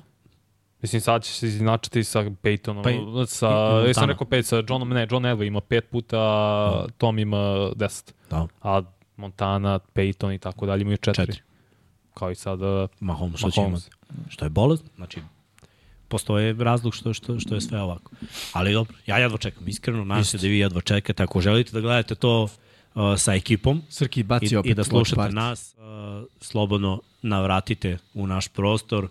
Od 22 časa kreće žurka, bit će DJ, bit će piće, možete ovaj da se opustite. Inače u tom prostoru planiramo da kada u budućnosti budemo radili podcaste, bude opcija da i vi budete tu, da možete da nas slušate uživo, da možete da uživate isto uz piće. Uh, mogu da zamislim samo kako će biti lepo kad je tipa leto ili proleće kad je toplo vreme u Beogradu. Da. Sad ja imam jedno pitanje koje bi mene zanimalo da dolazim. Da li će zvuk biti sa utakmice? Znači, da li u 00.30 je sav fokus na futbalu ili dalje ide DJ, ide o... To mi reci. Da. A u halftime show? halftime show po izboru publike. Pa izvo- Kako ćeš to da organizuješ glasanje? Dobre. E, ko hoće DJ-a, nek digne ruke. Ne, evo sad, sad pusti pol. Ovako, da ovako ide. Ko je zašera, neka kaže o, Neka kaže, yeah, yeah, yeah. ko je za Yeah. DJ-a? Za DJ. Ne, za yeah. DJ je ova zašera, je. E, zanimljivo da će Je- Jerick McKinnon igrati. I on da, je trenira, Treniruje, da. Tako je da bi to trenirao. bilo veliki plus za napad Chiefs ako bi njega mogli da uključe Da, da. ofanzivno, pre svega kao hvatačka opcija i neko sigurne ruke za Mahomesa. Čovjek koji je prošle godine pokidao Mm. mm. kako odigrao, realno. Mislim, ono, meni je jedan od omiljenih likova. Srke, to čukaš? Čuka Da. pitanje. Pitanje, da, da. Ja ne znam da li ima još nešto, ali sem možda ne, vidimo... ja mislim da smo zaokružili priču. Pa dobro, imamo naše ove, prognoze Prognoze, i da, da. vaše prognoze od prošle nedelje da pogledamo i u principu to je to. Jeste. Pitanje, odgovori. Pitanje, odgovori. Nećemo da dužimo, mislim, nema Pa. potrebe sad da izmišljamo priču, se Nemo, kaže. nemo. Dobro, Srke, ćeš da nam pustiš prognoze? Ajde. Kako vreme sutra? Neobično za vidiš, februar. Oblačno, Chiefs i, Chiefs i 49ers su vodili u ove dve playoff utakmice svega 22,9%, što je drugi i najniži proceno, procenat za ekipu koja je igrala Super Bowl. Da, dobro, ali Fortnite su gubili sve vreme. a Chiefs su bar vodili protiv Majamija i, i protiv Baltimora. A, što mi se sviđa. Ova iskreno. grafika. Ja. A opet Erceg i Dom Pablo i se Dom drže zajedno. Pablo biraju zlatnu stranu, to je stranu San Francisco 49ersa, veruju u zlatnu groznicu, a mi verujemo u, uh, da kažemo, starosedeoce Severnoameričkog kontinenta, odnosno u Chiefse, Vanja Miksa, Veliki Srki i ja smo na crvenoj strani, navijamo za Taylor Swift, Tracea Kelsija, Patrika Mahomesa i Kansas City Chiefs. Kod poznatih navija za 49ers, imamo taj neki kao Ima vibe? dosta. Ne, ne kao, nego sad, kao da je sad ono, u nekoj... Pa ne znam Mislim, ko će iz biti. uh, Kalifornije, realno. Ne znam ko će biti, To ali broj. ima, ima poznat. Nema šta da je usko povezan sa ekipom, nužno, ali Da. ima, ima poznatih. Mislim, možda, mislim, najpoznatiji je Jerry Rice, ako je usko povezan. Pa dobro, Jerry Rice je bivši igrač. A znam, Dobro, znam, Tom je računam. valjda najpoznatiji. A dobro, Tom ne navija, Nije brate, Tom, za... ne navija, Pa navijao je pre, ne navija sad. Navija i sad. Bio kao dete, brate. Sad igra, sad sad navija za navija. njega. Sad više nije igraš, brate, sad se vratio. Brate, navija za Patriots. Srki, ćeš da navijaš, jesi dete? Jesi dete. Čekaj, Je navijaš za partizan i kao dete i Kucao kao igrač. brate. dobro, brate, on je... Ga ti sada, je. Ja, evo ga Pa sad. šta? Sad si sve pokvario. Da, da. Da si igra u Zvezdi pa da, navijaš za partizan i mobi. Prav, pravi E, primjer. Nikad ništa ružno nisam rekao. Ni To ne nije treba. tema, brate. Uh, Ja, ja samo ti kažem. samo da se ogradi Srki. Nikad ništa ružan nije rekao Zed. Uzmi ogradicu. Da. Znaš šta je još jedan zanimljiv duel koji da imaju prenos Chiefs? Kikeri. Harrison Butker mnogo, mnogo bolji prenos. nego Jake Moody, a Jake Moody je promašio četiri field gola u poslednjih tri utakmice. Da, da. Mo, Znači, to je problem. I to opet treba da obratimo pažnju na to. Jeste. Slažem se, slažem se. Jeste da će biti hala, ali opet pritisak ruki. Mm. Da. Neiskusan kiker, a ovamo prekaljeni veteran koji Harrison već se Butker. naigrao u, u play-off. Da. Tako da ovaj, to, to može da bude velika razlika. Ali ja jedva čekam utakmicu, stvarno Da. mislim da će biti super. Hoćemo- Daj na prognoze, čoveč. A imali smo. Pa nije Raunje Pool. Runner pool. A ranjor. Ajde da vidimo Da se podsjetite ovaj, kako kako se zove, da našu vidimo- tabelu. Da. Imamo, imamo i U to. našoj tabeli Pa evo Don da Pablo je prvi Don Pablo. i izabrao je drugo od nas. Tako da Vanja i ja možemo da se izjednačimo, a Pablo Može. i Srki, ako pogode, oni mogu da budu prvi, i drugi. Da. Uh, za Srđana i za Jimmy ovaj playoff se završio loše. Dobro, šta se radi? Ali Više dobro. sreće sledeće godine. Ja imam šansu da, po, da povećam broj pobjeda na 5 Da. Što se vas tiče, uh, koliko donosi pobjeda u Superbolu? Pet. Pet. U, pa onda ima šanse. Znači, Pa od dobro, prve Bogdana... če, prva četvorica ima šanse. Prva četvorica. Kako četvorica? Pa zavisi ko je šta birao, jer ovaj... Bogdan, ne znamo, može i Bogdan sa pet, a ne može. Ne može, E, ali Steelers. Steelers, može. Pa ne Steelers može ni Steelers. A može Može se izjednači. izjednači. Podele. Dođu obojicu u podcast. Da, da, dobro, da, naravno. Ako budu... Isti broj. Mislim, ako proglas. Kansas ne izabere isto. Da, ali a, da nekako mislim mi da- deluje da, da će Kansas da će izabrati Kansas Kansas. izabrati Kansas. Uh, Kansas ima 207, Džikara 206, uh, Miho 204. Uh, nešto me stisnulo. u grudima. Što? Ne znam. Ne znam. Nakaši se. Nakaši se, ozbiljno se. Sad ću malo vode. Uh, Steelers imaju 202, oni su posljednji tim koji ima šanse i ko je broj, Jimmy? Uh, 1911. 203. 11. 11. 11. Redni broj. 1911. Sta. Stavi Šta ako redni broj. 11 ti? Može 11 samo redni broj. 11 100. Ajde da kažemo da je Bogdan S1 trenutno šesti, nema šansu da bude broj 1, kao ni He Hate Me 17 sa 200 poena, broj s- na sedmom mestu Ivan 96, na osmom mestu 199 poena, Kobayashi na deobi devetog mesta sa Gangula, Lagano, Boris Vu i Almedinom, to je Borisom Vuom i Almedinom, svi imaju po 198 poena, nemaju, uh, ne, ovo je opet kontra. Ko je? Čiji Ne, je nije kontra? Nije Dobro je. kontra. brate, Nije Pa dobro. kako mogu, može da ima 190 pogodaka, a jedan poen manje od Ivana, 96? Pa playoff.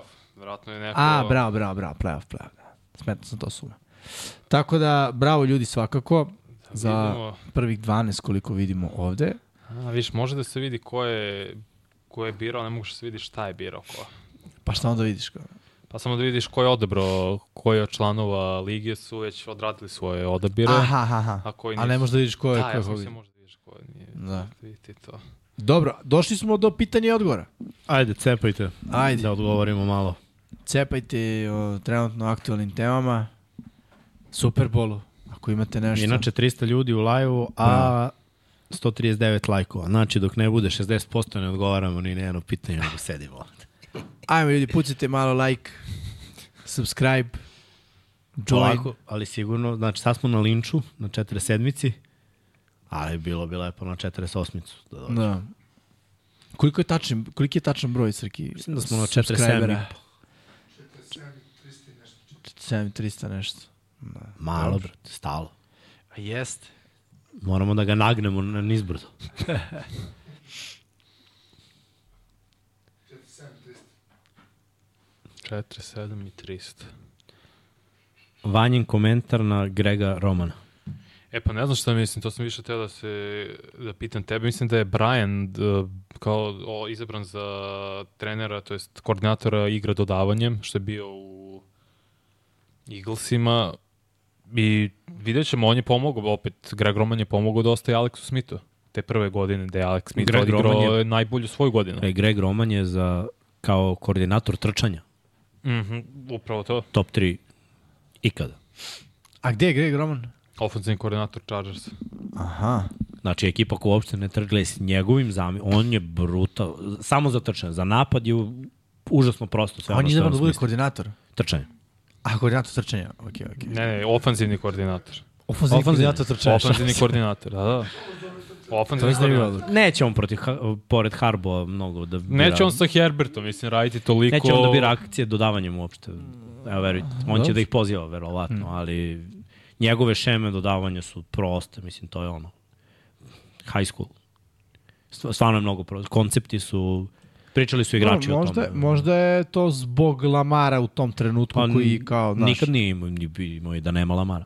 Bio je on i pre OC. Da.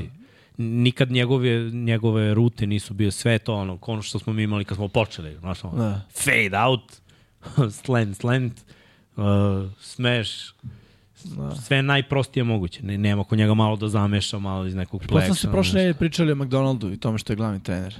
Uh, jesmo, jesmo. Kako se tebi to čini? Pa ja sam, da budem iskren, ja sam to očekivao. Znači, da- smrdelo mi je. Ono, Seattle nije izabrao trenera, ne, ne kao malo pre, ono, malo pre bilo ko, kokijevski moment. Došao ti je Koki da ti se izvini. Koki, Koki. izvini se, Jimmy. Prihvatam izvinjenje, evo, možeš i da mi poližeš ruku koki ako hoćeš. Ljubi Jimmy. Za malo. Um, delovalo mi da su odlučili za njega i nekako mi se čini da se Seattle okreće defanzivi generalno. Mm.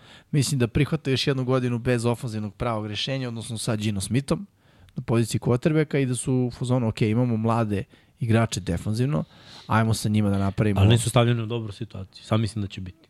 Pa sad će biti u, dobro, u boljoj situaciji, definitivno, ali opet je pitanje šta će ofanzivno naš će ličiti, znaš. Pa dobro, gledaj, oni ofenzivno nisu imali problema. To više su problemi A, bili su defenzivno. dosadni. Mislim, Pa uvek su ofanzivno. dosadni. Pa znam, a sad treba da ne budu dosadni. Pa A neće, sa Gino ne- Smithom ne, znaš, Neće se to desiti. Ne, ne može, nemaju oni. Razumem. Imaju skill da odrade ono što treba da odrade i to je to. Mislim da ideja dovođenja McDonalda bila ta da ofanzivno se forsira trčanje, kao Pelcer iz Baltimora, uh, da to bude njegova filozofija i generalno moj pristup je da svi defanzivno orijentisani glavni treneri malo više forsiraju trčanje jer ono, veruju, prosto tako ti mozak funkcioniše. Da, bi imaju dobri back. Mislim, imaš strahove od toga, a da se fokus prebaci na defanzivu i da krenu ono Legionu boom 2.0. Pa da, to je potrebno. Znaš šta, potrebno je, evo šta je uradio Baltimore, spustio protivnik ispod 20. Debelo ispod 20. Za Seattle bi Ispod bilo... 17, da. za Seattle bi bilo vrh da bude ispod dva naša. Ako bi dozvoljavali 20 protivnicima, pobeđivali bi više nego što sad pobeđuju. Problem je bio ove godine što se mnogo puta desilo da naš, ta odbrana zakaže. A imaju imena, imaju talent. A Seahawks i dalje čekaju za da angažuju i koga će angažovati za poziciju ofenzivnog koordinatora. Mm. To je i dalje otvoreno. Pričalo se Chip Kelly, mislim da će on na kraju otići u Ohio State da bude tamo Vidi, što samo govori da je neko od trenera iz trenutno dve ekipe. Vrlo Ako mene moguće. pitaš. Vrlo moguće. Ne znam ko može to bude. Iskreno razmišljam, možda, Možda neko, neko iz iz coach- 49ersa. Tako je, neko ko ispod Kajla Šenehena, to bi Ko je ofenzivni koordinator? uh, Matt Nagy. A ne, 49ersa, ne znam, ne mogu setiti. Mislim da nemaju Možda klasičan. Nagy? Nagy je za Chiefs, da. A možda Negija hoće da dovedu. Pa da, ali to je opet lateralni potez. Znaš, što bi ja bi, što bih napuštao? Ausija na Ausija. Da, što bih napuštao, pa okej, okay, možda, ali ne bih napuštao. Patrika Mahomesa za Gina Smitha. Da, ali pritom ideš u NFC. Lakša priča. Jeste. Pa dobro, ovde, ne, to jeste lakše, ali ovde si uvijek na vrhu. Dobro. I- Jesi, jesi na vrhu, ali znaš da Kelsey je sve stariji, pritom će ono, ako je Srki njegova, njegova nismo rekli njegovu prognozu za, uh, za Super Bowl. Ja sam pisao je. Ja sam pisao. Kansas City Chiefs i Kelsey da zaprosi Taylor Swift. 27-14, Kelsey prosi. Da, 27-14 za Chiefs i Kelsey prosi Taylor Swift Ej, na... 14 poena si pretrpao. Ja sam dao 13, brate. 24-13. Razbacuju se ovim poenima, mislim Brate, sitno. odbrana ono, baš- Chiefsa kida, da je pusti priču. Dobro. A znaš, Uglavnom mislim Aha, da... Samo McCaffrey će da 14. vidjet ćemo. To je dva tažana. I to je to. Ići će na pokušaj za dva pojena, Jurić će rezultat promašit će, neće ne biti uspješno što je 13. ja, ali dobro, pro- Jim Harbaugh i Greg Roman kad su bili zajedno dva, dve od četiri godine 49ers su imali top 3 napad. Jesu. I uvek su imali top 10 igru na zemlji, što je stop. Možda će se to promeniti Neće, i po nas. neće, Vanja. Greg Roman ima takve, uh, prvo te trepove koje radi inside za trčanja, to je nešto što čarici nisu videli. Znam da se Ja kaže, razumem, se nadam da će biti vaša trčanja. trčanja se svode na to loptu daj running backu i svi blokiramo jedan na jedan, manje više. Sad kad vidiš da kad ono. bude krenulo malo, re, kako Roman zna, da, tomu dajem respekt, stvarno ludački respekt. Nisam video mnogo ofanzivnih umova. Monkin je pokupio neke njegove fore ove godine. Uh, za, za, za ta trčanja, kako prave trap na tim powerima, isto ISO, te neke stvari gde uh, sve, sve igrače dovodi upravo dobre coaching s njim, ofanzivne linije dosta očekuju njih i stavljaju ih u situacije da svako od njih ima i pull i, i da se izloči i čak i u protekciji nekad rade protekciju iz pula što je bolesno znači da, da ne, ne idu klasičan kick slide već zamisli igrač puluje, deluje ti kao trčanje i on onda samo, samo stanu naprave tako i za, za neka dodavanja. To su stvari koje Greg Roman brutalno radi. E sad, Jel radio, Uh, izvini što te prekinem, to su uglavnom pošto Chargersima treba centar, mislim će potencijalno u drugoj rundi zbog ovih poteza Harbo izabrati ovog Frazera sa West Virginia, on je ogroman centar. Da li je to zapravo neophodno da bi taj sistem bio uspešan? ne, ne, ali mora do centra da igra. Na primjer, Baltimore u onoj sezoni 2019. tu je Greg Roman promenio tri centra. Na kraju, jer se Bozeman povredio na pola sezona. Ovo je 193, da kažemo, uh, i ima 330 funti. Ne znam sad da prevodi sad. Lej, sa, samo treba coaching da bude dobar. Mm -hmm. Greg Roman je uh, jako dobar coach i brutalan je coach u prve dve godine. To može da te radi. Znači, on u prve dve godine uspostavi svoj sistem, dovede ofanzivnu liniju i taj tendove u taj stadium coachinga da, da rade dobar posao u blokiranjima. I ovaj, jako ga je teško provaliti šta radi s novom ekipom i novim skill igračima u prvoj godini, prve dve godine. On je 2019 imao prvu godinu u Baltimore u drugoj godini Lamar, Lamar je bio MVP, igra je bila neverovatno trčnim. Niko još nije uspeo da skapira šta se zapravo mm -hmm, tu dešava. Mm -hmm. I onda je postalo izvaljeno u drugoj godini i onda je on, on zakuca obično u zid.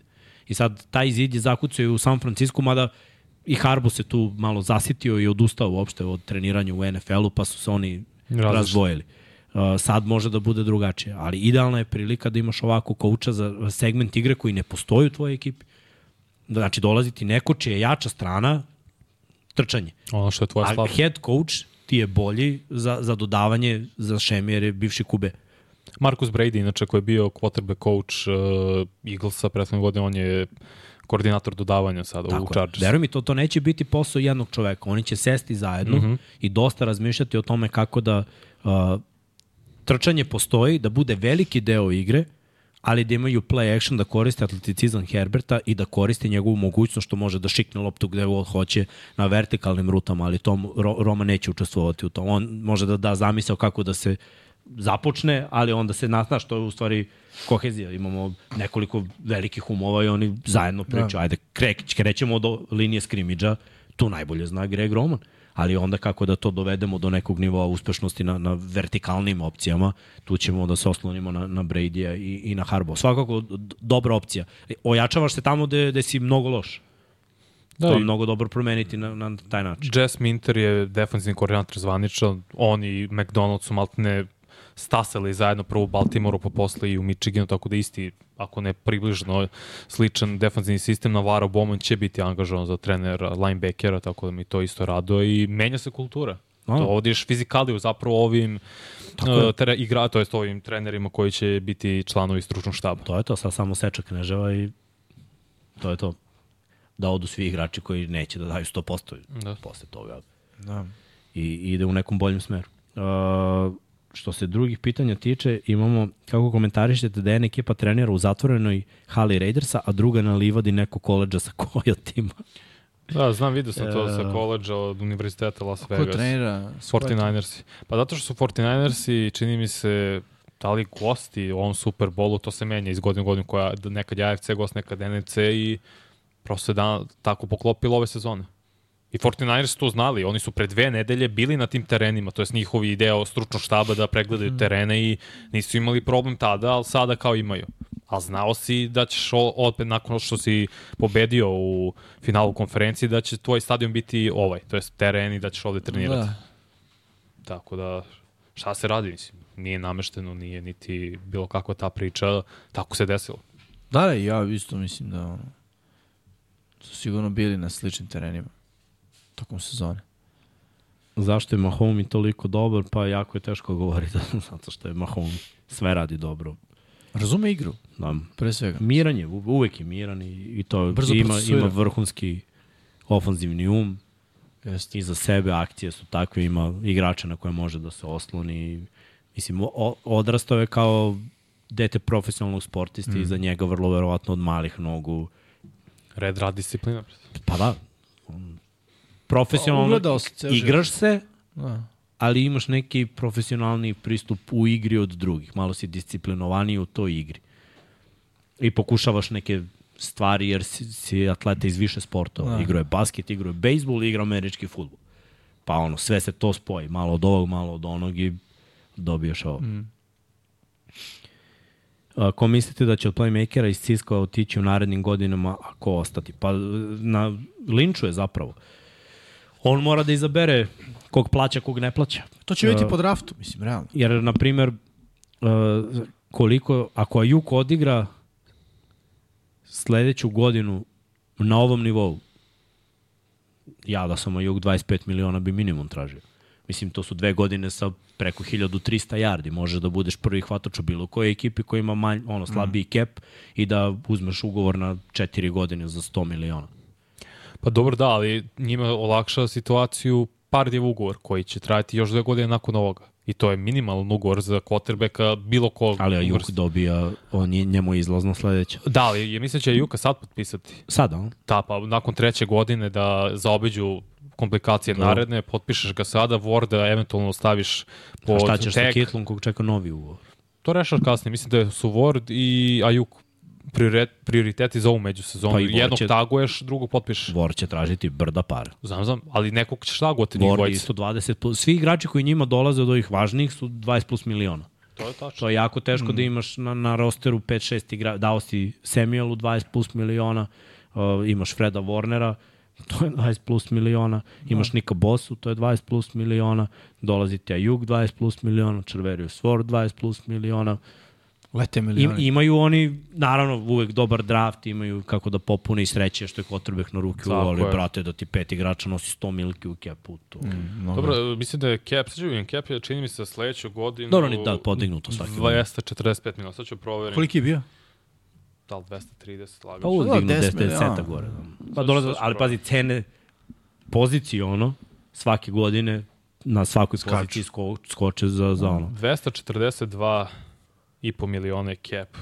A zanima me Pardijev udarac svaki godin, te na naredne dve sezone. Ali to se uopšte smata udarce. Pa, ne. Čovjek igra Zato za... je- I zato će kikiriki. 49ersi to moći da izvedu. U tome je stvar, jer oni mogu da urade uh, u Jeste, prvim znaš koja je stvar, godinama velike pare da im daju, Da. a da njihovi ugovori ne idu na cap naredne, treće, četvrte, pete godine, pričamo o Wardu, Ajuku i tako Sve dalje. kapira. Ali evo, zamisli ovaj scenar. Izvini. Mo, možda razmišljamo isto. Šta ako osvoji Super Bowl? I njegov agent kaže, Burazeru igraš za 40 soma po tekmi. Ne moraš. Reci, neću trener. Dok ti ne promene ugovor. Ne može nakon drugog uh, godine da menja ugovor Bardi, nek tek nakon treće. Dobro. Nakon treće. Sledeće mu je 985.000, u poslednji 2025. i milion i sto. Ma dobro, neće on igrati tu tamo godinu za milion ako osvoji Super A Bowl. znaš šta je tu sad e, stvar, brate? Ako neće da igra tu, on je Jimmy Garoppolo 2 tačka. Vrlo verovatno, ali mogu ti kažem šta je uradio Jimmy Garoppolo. O, uzeo pare. Tako je. Veruj mi, brate. Straight cash, što bi Mikser rekao. Toliko je Jets, straight ide u cash, Jets. to je Randy Moss. Nakon Rodgersa ide u Znao Jetsi. ti toga. Što je najjači izjava ikada. Znaš ko je to bilo? Kada Pa, što kupi se. auto. I ovi kažu, plaćate karticu, straight cash, homie. Bate torbu. je, Randy Moss. Južnjak legenda. Ali mislim, gledaj, toliko imamo loših quarterbackova da će neki tim da okuša sreću. Biće Pa naravno, videli smo Garopola, dva tima Ja menja. razum, ma nije on bio ni starter kada je dobio šansu i pare. A. On je tradovan na dve tekme što je igrao. Igrao A. dve tekme te sezone, dobio dve tekme i sedao na klupi. I on je tradovan i dobio je pare. Dobro, odigrao dobio je onda- pare nakon što je odigrao onih 5-6 par- dodatnih. Ali opet, i to je bilo Jeste, 5-6. jeste. Bez pritiska ikakvog, razumeš, nije odigrao Znači, sezonu, a par je odigrao sezonu imao 4000 Ja, znaš šta ja mislim? Neko da će mu dati par. 49ersi misliti da imaju prednost u tom pregovoru. Će biti ovako, vidi sine, bez našeg sistema, Realno. ti si ono, brate, Ti ćeš uzeti pare. ti ćeš uzeti pare, ali ne ovde. Da. Sa našim sistemom ćeš uzeti još trofeja. da. I nećeš dobi, nećemo ti damo 40 miliona, daćemo ti 25, brate. Kao Ajuk što ima. Pa da, ali nešto kako zavisi sad koliko će skočiti i opet rećemo, cap za dve godine. 25 puta veća plata nego što si imao poslednje godine ugovora, brate. Pa kao, Realno bih mu naredne godine ponudio četiri godine 160 miliona. Nešto slično što Daniel Jones ima od Giantsa. Daniel Jones je čovjek pokrao. Ne, Ali- pa zato i kažem, a To je- sličan ugovor. To, je, znači, sreće njega nije nelegalno. Ne, Jimmy ne, ne, neće postojati quarterback ispod 40 miliona. Neće, Mislim da je ovo je, za tako Dajte, četiri ljudi. godine. Ne, Zavisi, to je za tržište. garantovane pare će zapravo to diktirati. najbolji idu na 50-60 sada. Zbog kepa koji skače. I skočit će i naredne sezone na preko Za 250. sve pozicije skače cap za milion dva, a za quarterbackove 5 plus. Da, da što je procentualno. A je, Pa realno, ako zarađuješ 40 miliona i skoči 15%, tako je. tebi je skočilo za 6 miliona. Zato ti kažem, uh, jako je teško zadržati sve ove playmakere. Neko će od njih biti u fazonu, e, gledaj, sve je to super, stara ekipa, imamo šanse da osvojimo, dok ne pozove, zvoni telefon i pozove neko i kaže, evo ti 10 puta, vi, ono, de- 10 miliona više. Da. Onda prestaneš da razmišljaš o, o tome, Pa si u fazonu, već imam Znaš, prsten, tako je. znaš, ajde odem vamo, već imam kraj karijere, treba uzem pare jednom. I gledaj, svi ti igrači razmišljaju ono, ok, obezbedit ću se za život, a verujem da sam dobar igrač, da budem dobar i u toj ekipi. Da. Tako razmišljaju igrači. Istina, Znaš, oni znaju da uzmu Ne, to je da legitimno i razmišljanje, da odu. budimo realni. Znači, to je biznis pre svega. Ti misliš, ja ću biti dobar sa bilo kojim u bilo kom sistemu, Da. bilo kojoj ekipi. Naročito njihovi skill igrači, jer to je cornerback koji je, mislim, igraće jedan na jedan, to je hvatač koji, mislim, dobijaće loptu od quarterbacka. To su igrači koji njima odlaze, ko, koje, koje moraju zapravo Mm. da plati. Ja sad sad gledam ko su slobodni agenti za 49ers-e. Samo- Sledeće godine. Pa, ne, da, u ove međusezone. Da, to, to, to mislim. Ove, ove koje samo da njih... Imaš neka pitanja dok Vanja traži? Može. Hoće li Vanja doći u emisiju sledeći petak ukoliko Cisco osvoji Super, što ne bi došao? Evo, još zbog Pardije. Neće, neće zbog Pardije da osvoje, već, nego da su imaju vrhunski tim. Šta ima novo u Čikagu sa Filcom i prvim pikom na draftu? Pa I da Kejle blaga. del, deluje da, da odustaju od uh, Filca i da se okreću. Ali dobro, to su priče u stvari, to ćemo videti. Ali mislim ima smisla. Sve ima smisla za njih. I jedno i drugo. Imaju samo dva Pričat će scenarija. komandarsi da pojure Da, prvo pika zbog Kingsbury-a. Znate, ja ne bi, da, zašto bi skakao, ne, ima ti si pravo i to je konekcija njih dvojice Da. sa USC, ali zašto bi dao toliki draft kapital da bi skočio za jednu poziciju? To je sve, zavisi, to je vrednost draft kapitalu u, i porediš sa vrednošću quarterbacka i njegovog potencijala. To zapravo ti gledaš u ovoj Ceo draft situaciji. kapital je potencijal, osim ako ga ne daš za veterana nekog, mislim veterana za nekog provereno dobrog igrača. Znaš šta, oni su u problemu drugom jer je nova franšiza i traže ono očajnički kotrbe kakvog nisu imali od uh. Tajsman. Od nikad. Nije, pa imali, Tajsman bio Ma. MVP. Znam. Kada? Bio MVP. Da, Koje godine? bio je bre MVP. Gledao sam futbol live. 90 neke I osvojio je i Super Bowl. Da. I skidao- 85? Ne, ne, os- Pre? 80-ih, nije 90-ih pa možda... Nije- 90-ih ima možda onaj je prelom neki- kad je završio karijeru. On završi karijeru tada. Mislim, mora je završiti karijeru tada, realno, sa onim prelomom. Alex Smith je završio karijeru. A, skoro. pričaš o Commandersima, izvini, meni su u glavi Bearsi, izvini, molim. A, te. Da, Bersi, Da, nisu da, imali quarterbacka da, znam, pa znam, zato meni su u glavi oni sve vreme. Koliko što- imaju Washington, kako god. Washington. Pa ne, što su Washington zvali, si. brate. Šta, titula? Da. Tri. Tri? Tri ili četiri je? 3-3. Sve u toj eri. Da, da. Da, da. To je era kada su se menjali. Krajem Znam. 80-ih, 90-ih istok je Istok i Giantsi su imali dve Cowboys i 3. 3, Commanders isto. Da. Tada Redskins. Ko, ko si rekao da proverim? Taj, Taj smo, 83. Hm? 83. 83. To. Je bio MVP, ali... Da, da, je bio MVP 83. Ovaj, inače, uh, A svoje ne preziva se. Tyson. Nego? Tisman. Ali je neko napravio foru kad je bio u kandidaturi da osvoji Heismana, pa kao Tyson for Heisman, Heisman. Heisman. I on kao, može, nek ostane. Šta promenili su mu prezime? To onda znači da Pa ima kao kao Kels, evropsko Kels. poreklo.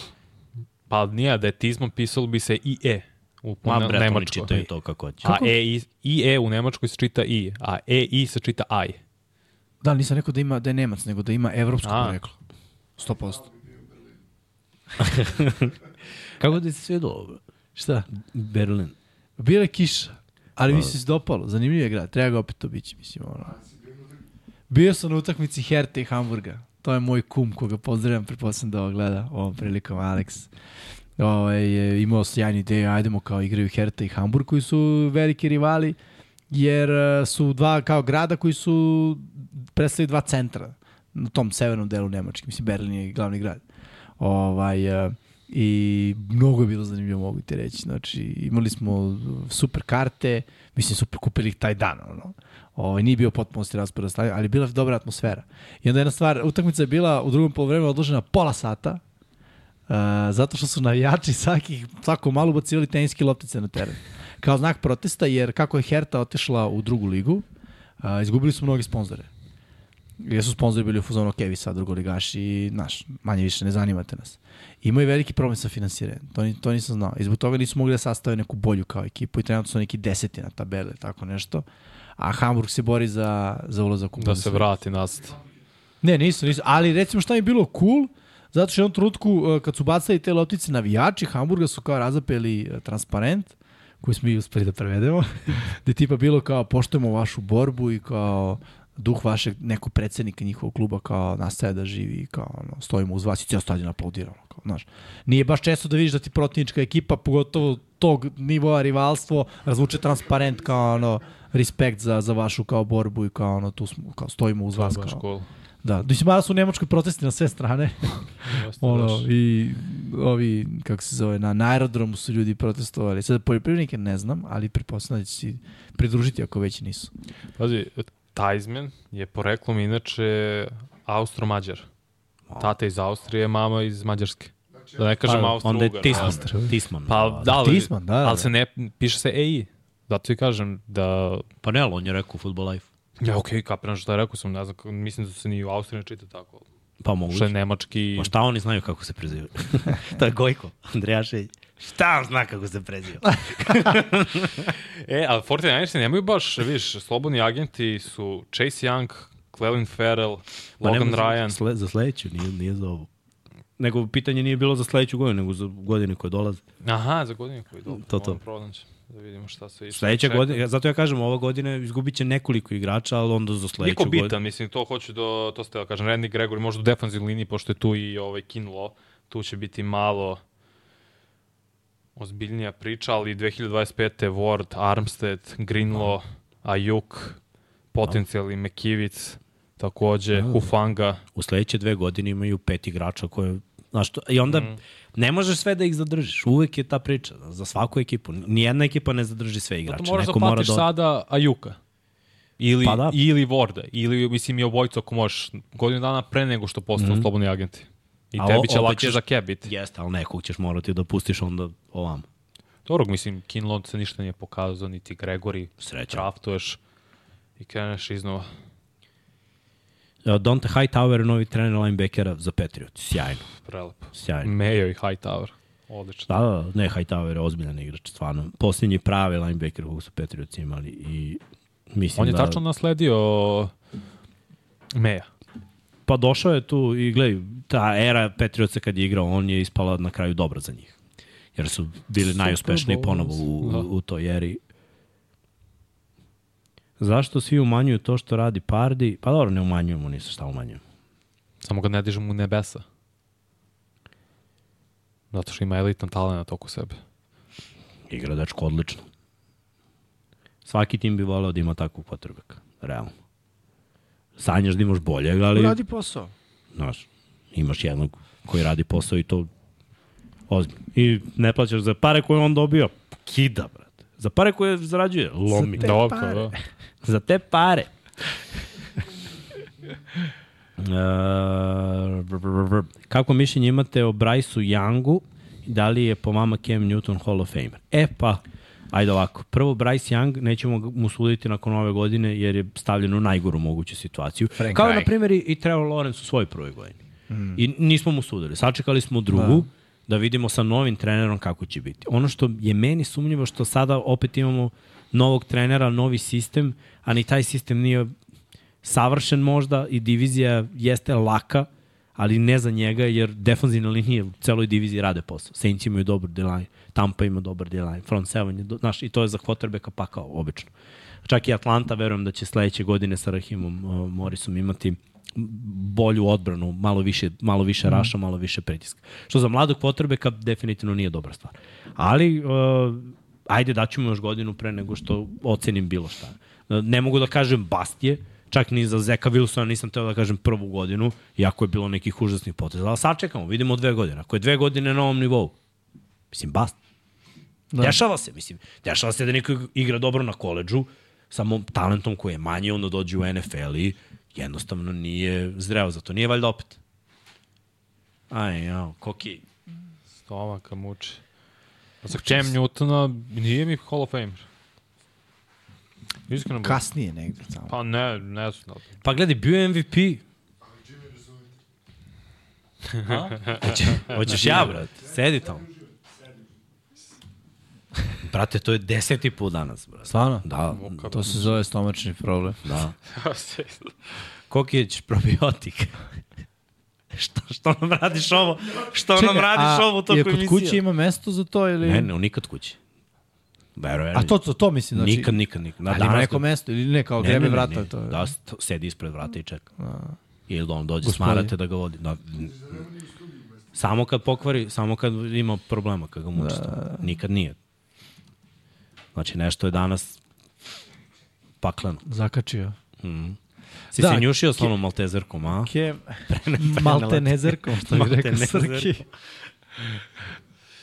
Uh, pazi, Cam Newton je jedan od retkih igrača koji je osvojio iste sezone i nagradu za ofenzivnog igrača godine MVP-a. Te 2000 2015. je stvarno bila senzacionalna godina, došla do Superbola, ali nakon toga, znaš, bio je opet ofenzivni Novajlija godine, bio je tri puta pro bowler, to nisu Hall of Fame uspesi. Ja mislim da jeste, ali nije first ballot. Mislim da će se čekati dokle on dođe do... Ali mislim da onda Hall of Fame gubi point. Pa ne Ako- gubi Vanja. Pa dobro, gledaj, ajde ovako, pre nego što on bude Hall of Famer, ja bih voleo Sterlinga Sheparda pre da bude Hall of Famer. Isto. Sterling Shepard. Da. Sterling Sharp. Sharp. Sharp. A, ja gledam Sterling Shepard. Da, ono kao- Sharp. U, u Fili, da. Sterling Sharp. Brat uh, Shannon Sharp. Da, da. Koji je šest godina. Koji je dominirao na početku karijere, povredio se i nije odigrao mnogo. Ali, mislim, realno gledano, imao je impakt u, prvo ranija generacija, znači ako je on čekao ovoliko već do sada, a dajemo... Ke znači, možda ne doživi. Ne, ne, doživeće, brate. Ali, glej, dobit će i on takvu neku priliku. Znači, to su igrači koji su imali Da, par izvrsnih godina. A dobro, ali š- Ali- nije par. Ovo je bilo uzorak od šest godina. Gde si ti all pro, pro bowler, pričamo o Sterlingu, Sharpu, Da. da. triple kruna, nešto što samo trojica hvatača I- ostvarilo, pored njega. I Kem je bio, brate, pa dobre 3-4 godine u, u vrhu za quarterbackove. Da, igrao je u NFC-u. Nije imao, nije imao na svoj način je imao. Ajde, on je, što rekao si već, bio je anomalija. Yeah. Takvih nije bilo. Znači, nije mogao da se poredi sa Bradyjem, Rodgersom, sa, sa Brisom, koji One su igrali u toj jedan jedini. Znaš, nije mogao da se po, poredi s njima, ali je trčao, postizao je touchdown, radili su neke druge stvari, ovo stvarno peče za oči. Da Koki, onda me otpuši na ozdrvo, brate. Ili da je zapuši, brate, da te spasi. Znaš kao, mozak šalje signale, zatvaraj sve autoputeve, brate. Danger, danger. Đura će da blokira aerodrom. Evo, bukvalno. Ja, ja. Sad ćemo te zatvorimo u kupatilo. On je u fazonu, radite šta Trebali nam smo, se radi, trebali radite. smo odmah izvoli, zatvorimo u kupatilo. Ja imam problem, znaš kao.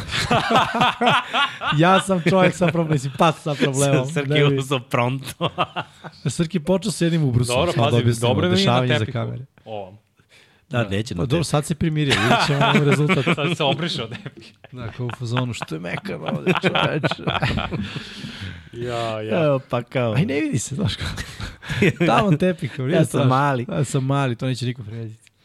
A se vratimo Cam. Ne, meni previše malo tih prvih njegovih 3-4 sezone, računajući tu uh, Super Bowl godina što je pet sezona, ali to je opet nije svih pet sezona bio vrh. Bio je u te tri, Pa i nikako nije za sada, znaš. Opet, te stvari može da bude, ali da prođe dosta vremena. Mislim, i za Sterlinga Sharpa mora prođe još vremena. Što misliš, ko će čekati više, on ili Philip Rivers? Koji ima mnogo dužu Rivers karijeru, manje, manje da čeka, zato što pa je Rivers u, u mnogim kategorijama Je top u- u- pet na da, maltene. u, Pa nije, ajde da, da zaokružimo 10. Ono. Ok. Svih vremena, mislim, bacao je jarde, ima to kod Jeste. sa igrača. Mislim, gledaj, Antonio Gaze, Ladenian Tomlinson su iz njegove ere. Mm. -hmm. I on, oni su Hall of Fame i bit, ono, LT je već Hall of Fame, a Gaze će biti. Onda, mislim, taj ten sigurno nije uspešan zato što mu je dodavao Tomlinson. Ne, ne, znaš, mora daš respekt quarterbacku. Uh, Cam oko sebe će imati samo Steve Smith. Da, Greg Olsen isto ima brojke. Bio Ali dobar. načekat će se Greg Olsen. Ali Greg da, da, da, Olsen nije za kuću slavnih. Steve je bio u Superbowlu, Da, da, da. bio je triple kruna. Stevie jeste, ali Top 10 je u svih vremena kao hvataš. Greg Olsen nije top 10 tight end. Čekaj, je Stevie osvojio s Baltimore, ne? Ne, nije bio, nije nije uopšte, bio je u play-offu jedno. Da, on je igrao Super Bowl sa Karolinom, Karolinom i. Jakeom Delomom. Da, da. Ali opet posle igrao sa Kemom i, Da, da, da. znaš, i on ima individualne uspehe. Ali to je jedini igrač koji je sa ofanzivne strane iz Karoline, neko ko će imati, oni imaju Hall of imaju defanzivne. Evo, i D'Angelo Williams Ne, i... ne, nije Hall of Fame. Nisu ni Nije Hall blizu of Fame. Hall Ne, ne, nisu, ne, ne, nisu, nisu, ali su bili To pravo. ti kažem, jed, jedan jedini igrač iz Da. celog napada Karoline je u ono... razmišljam da li online neko slučajno ima, moram Pa pronaći. dobro, ajde, ali to ne, Ali ne ne gledamo da znači, je evo usko Andre povezano. Johnson. Znaš. Ko je iz njegove ere bio isto dobro. Ali opet on je ona... ma- Mada je bio. Arian Foster, On je- ali Foster neće vidjeti. Neće niko biti. Da. Neće niko biti. Preklopit će se sad i hopom jer su igrali par godina, Da. pa možemo to da uzmemo, ali niko drugi. JJ.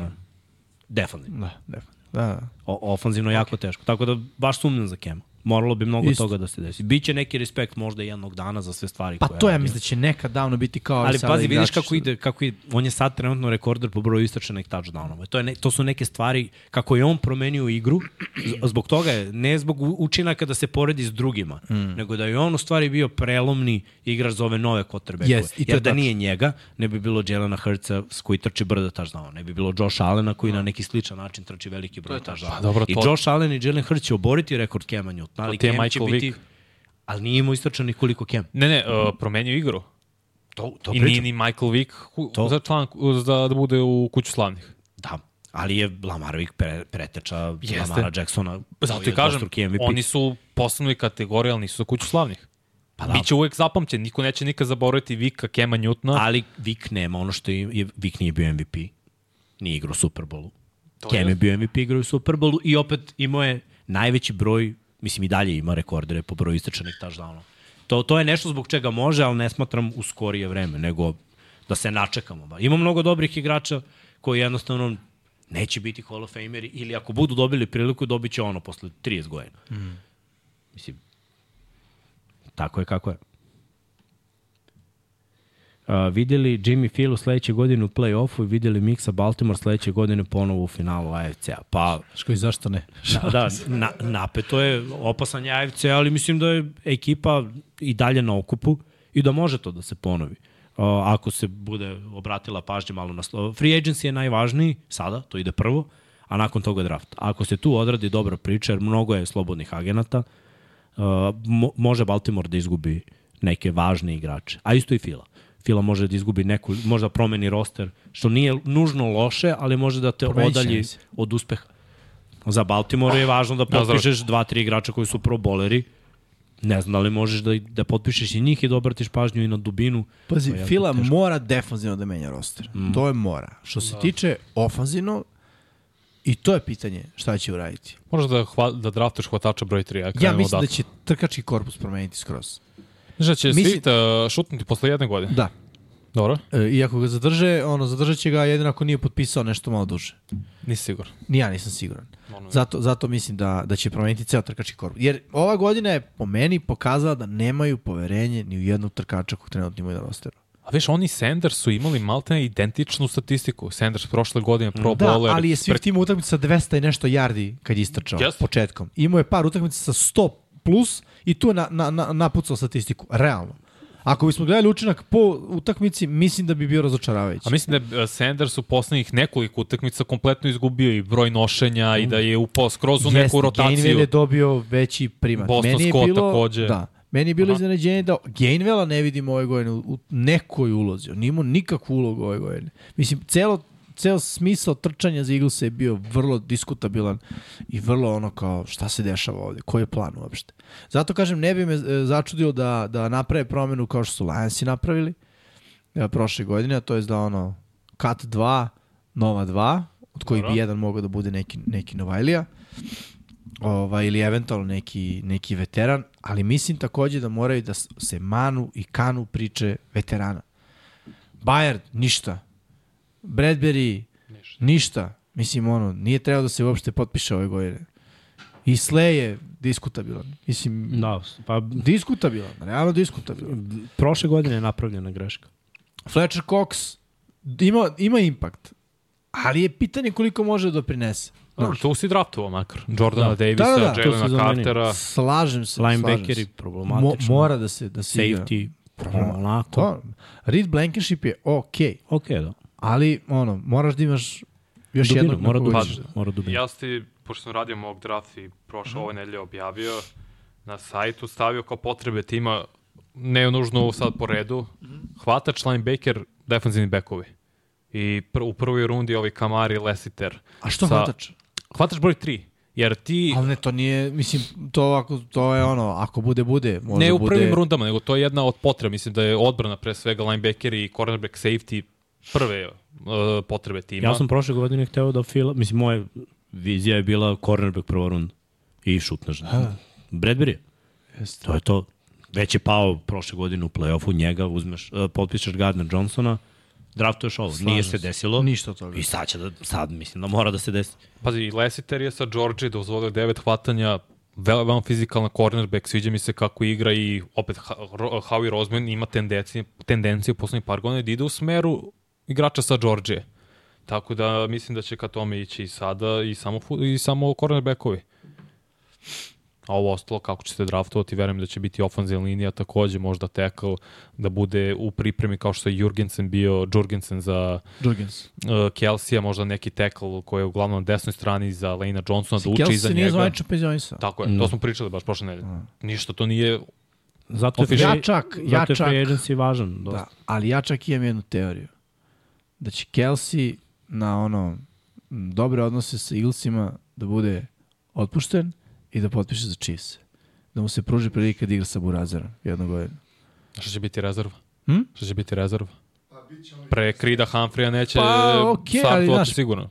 Da ih pomere. Neko, ne znam, možda Kelsey bude guard. E, može bude. Maže je sitan da, da bude guard. Sitan je da bude. Da. Ma ne, on će igrati za field. Znaš šta mi isto bilo zanimljivo? On je kao ono, ima moment sa Bills mafijom. Ne znam da ste to vidjeli. Da, znaš. Ha? Kad skida. Da, znaš, mislim, to do Billse, brate. Ma neće otići nigde.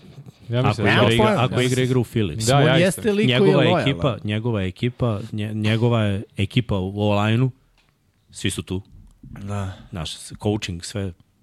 To je to. Ako bude igrao, ostaje u Philly. I odigra još ovu godinu i to je to. A zavisit će dosta od uh, kako krene free agency. Tu će on, on ne, ne mora da donese odluku odmah. On može da sagleda uh, šta će biti u free agency, šta će biti na draftu i onda da razmisli koliko Fila ima realne šanse da odradi nešto. Znaš da sam još rekao hvatač, jer ti tebi treba neko iz slota. Da, može se reći kroz sredinu Dallas Goddard, ok. Ali uvek se oslanjate na tri Ali, ofanzivni igrača. Jeste, a znaš šta može da se nađe u free agency Niko Collins, mislim, Niko A Collins. nemate cap da to tražite, ta, tu vrstu i... Taj tip, i- Noah Brown, ne, ne pričamo njima konkretno, Ne, ali jasno. taj tip hvatača koji su pokazali bljes, no. tipa meni ovaj za Kijas, mogli su i mene potpišu. Pa Majke je, zato, zato i kažem, ko je hvataš broj 3? A zato Nebitno. bolje da draftuješ Quez i... Watkins, već godinama je lik se trudi da im kaže, ljudi, ja nisam taj, brate, ono, kao, oni kao, nema veze, evo još jedna godina, kao, važe, ali bit će opet isto, nema veze. Mi verujemo, nema, Gotivimo ne moraš ti da veruješ, mi verujemo, brate. Znaš, Hoćete da vam vratimo Agolor? Pa, znaš, ono, Bolje bi bilo, bre. ali ne, Agolo će sad traži pare, brate. Da, to je da. Nego taj neki tip nekog podcenjenog hvatača koji može da se uh, pronađe u free agency, ja sam siguran da to može da se Kad desi. budete draftovali i ovog McConke isto, hvatača sa Georgia, samo Georgia univerzitet, jako, Fila i Philadelphia. Bulldogs. Uh, kada bi u Superbowlu quarterbackovi zamenili ekipe, kakav bi bio vaš izbor? Mislim, kako bi Naravno bi bio Cisco. Bilo bi Uh, 45-15. bre. Bukvalno, i da li to? 49 i bez razmišljanja. No. Znači, ono, Mi bukvalno. u stvari verujemo u Mahomija. Da, da. Tako je. Dobro, i verujem i odbranu Chiefs, ne mogu reći. Ma, pusti priču. Odbrana je odbrana. Šajns. Mahomi. Dobre i odbrana. Ko prenosi Super Bowl? Uh, ja i momak sa moje desne strane. Ispruži ruku još. To sam ja. Da. Pa dobro, ne, možda ljudi ne znaju ko gde sedi. Jesi. Nisu svi bili u studiju. A iz, kad jesu tamo iz ove perspektive, ja sam s leve strane. Da. Da, danas nemamo goste. da. Koliko bi im pro, proželao Kuki bi rasterao dobrodošli. sve, bre. Evo, kokane, kokane. Uh. Dobro, sa vremenom smo tu. 23.00. Ako nemamo još nekih pitanja, možemo da... Kaže, da li ste videli da se u hotelu 49 u 6 ujutru uglasio požarni alarm? Lažni. Uh, to sam pročitao, ali ako već nisu budni u 6 ujutru, to je već problem. Realno. Prvi te spremaš za Super Bowl, možeš da imaš rutinu. Šta fali da stanu u 6 ujutru? Oni treba da legnu u 10. 8 sati, 6 ujutru si budan, brate. Lagan, doručak. Da, pa Super Bowl ako je Vegas u pitanju koliko razlika 8 sati, čini mi se. Možda čak i već 9. U odnosu na nas. Nevada, da. Da li je 8 ili 9? Ja da kažem da je 8. Pa možemo pogledati sad koliko je sati Da. u Las Vegasu. Pogled, mislim da je 8, znači to bi bilo koliko? Jedan čas, znači bilo bi zapravo 14.30 po lokalnom vremenu da igraju Super Bowl. Ne, u, ne, u 15, 16 9 sati 3. razlike. 9 sati. Da. Znači Sad je tamo 15 i 3. 2.01, od kod nas je 11. 15 i 30 bi bilo onda. E, inače, kum te pozdravlja, pozdrav za Aleksa, brata. Kaže, kako komentarišemo NFL utakmicu u Madridu. Jedva čekam. Zaljubio se u čovjeku u gradu. Da. Dobro, pa Evo, Prelep. Život grad. je koki. najlepše Vidio je... sam i Santiago Bernabeu s polja. Pa realno kada pogledamo čitavu Evropu, Ma najbolje u Španiji. pa najbolje, najbolje Možda Camp vremenski. Nou eventualno. Ma kako? da, da, je. To nisam vidio. Ne, ne, Španija je definitivno vrhunska lokacija. Prvo stadioni, Da. veliki grad, ali realno gledano vremenski uslovi, stvarno možeš da uđeš. Da, da. Jer to je, da kažemo, ono, oktobar, Oktobar. novembar. Tamo je, brate, Tamo je ko na Leto. Floridi. Bukvalno. fulkica. A bez Sve ono oluja i uragana. Pa da, Paris isto bi bilo Eh, zanimljivo. A Ne znam, dosta ima olimpijada. To je neko moje sve što je gore je hladno. Nemoj gore, idemo dole. Znači, Dobro, nije ni u Londonu ni kada su bile utakmice toliko hladno. Pa, na, nama koji sedimo u kabini sa grejem. Ne, nego generalno je vreme Pa bilo ljudi su u jaknama, lepo, brate. sunčano je A bilo. dobro, nije bilo kiše, to je tačno. Ali mislim da, dobro, da, bilo je, bilo je ok za igru. Istina, Okej, nije bio minus, nije oni- bilo dva stepena. Pa da, Bilo je nekih možda, možda 12, 13, pa da. to ti pričam. da. Pa dobro, da, okej. Gde će završiti kralj Henry? Dallas, Koliko će para da traži? U Dallas, ne znam. Pa, Zavisi što želi. Desetka je minimum. Mora da uzme desetku. Desetka je za njega. Znači da neće da bude fazon sad jurim titul. Malo manj. Osam. Dobro, Jurim Osam, titulu s 10 ali milki, 10 bre. miliona ću malo bolje da Na ima. šta, može, na šta može da uradi?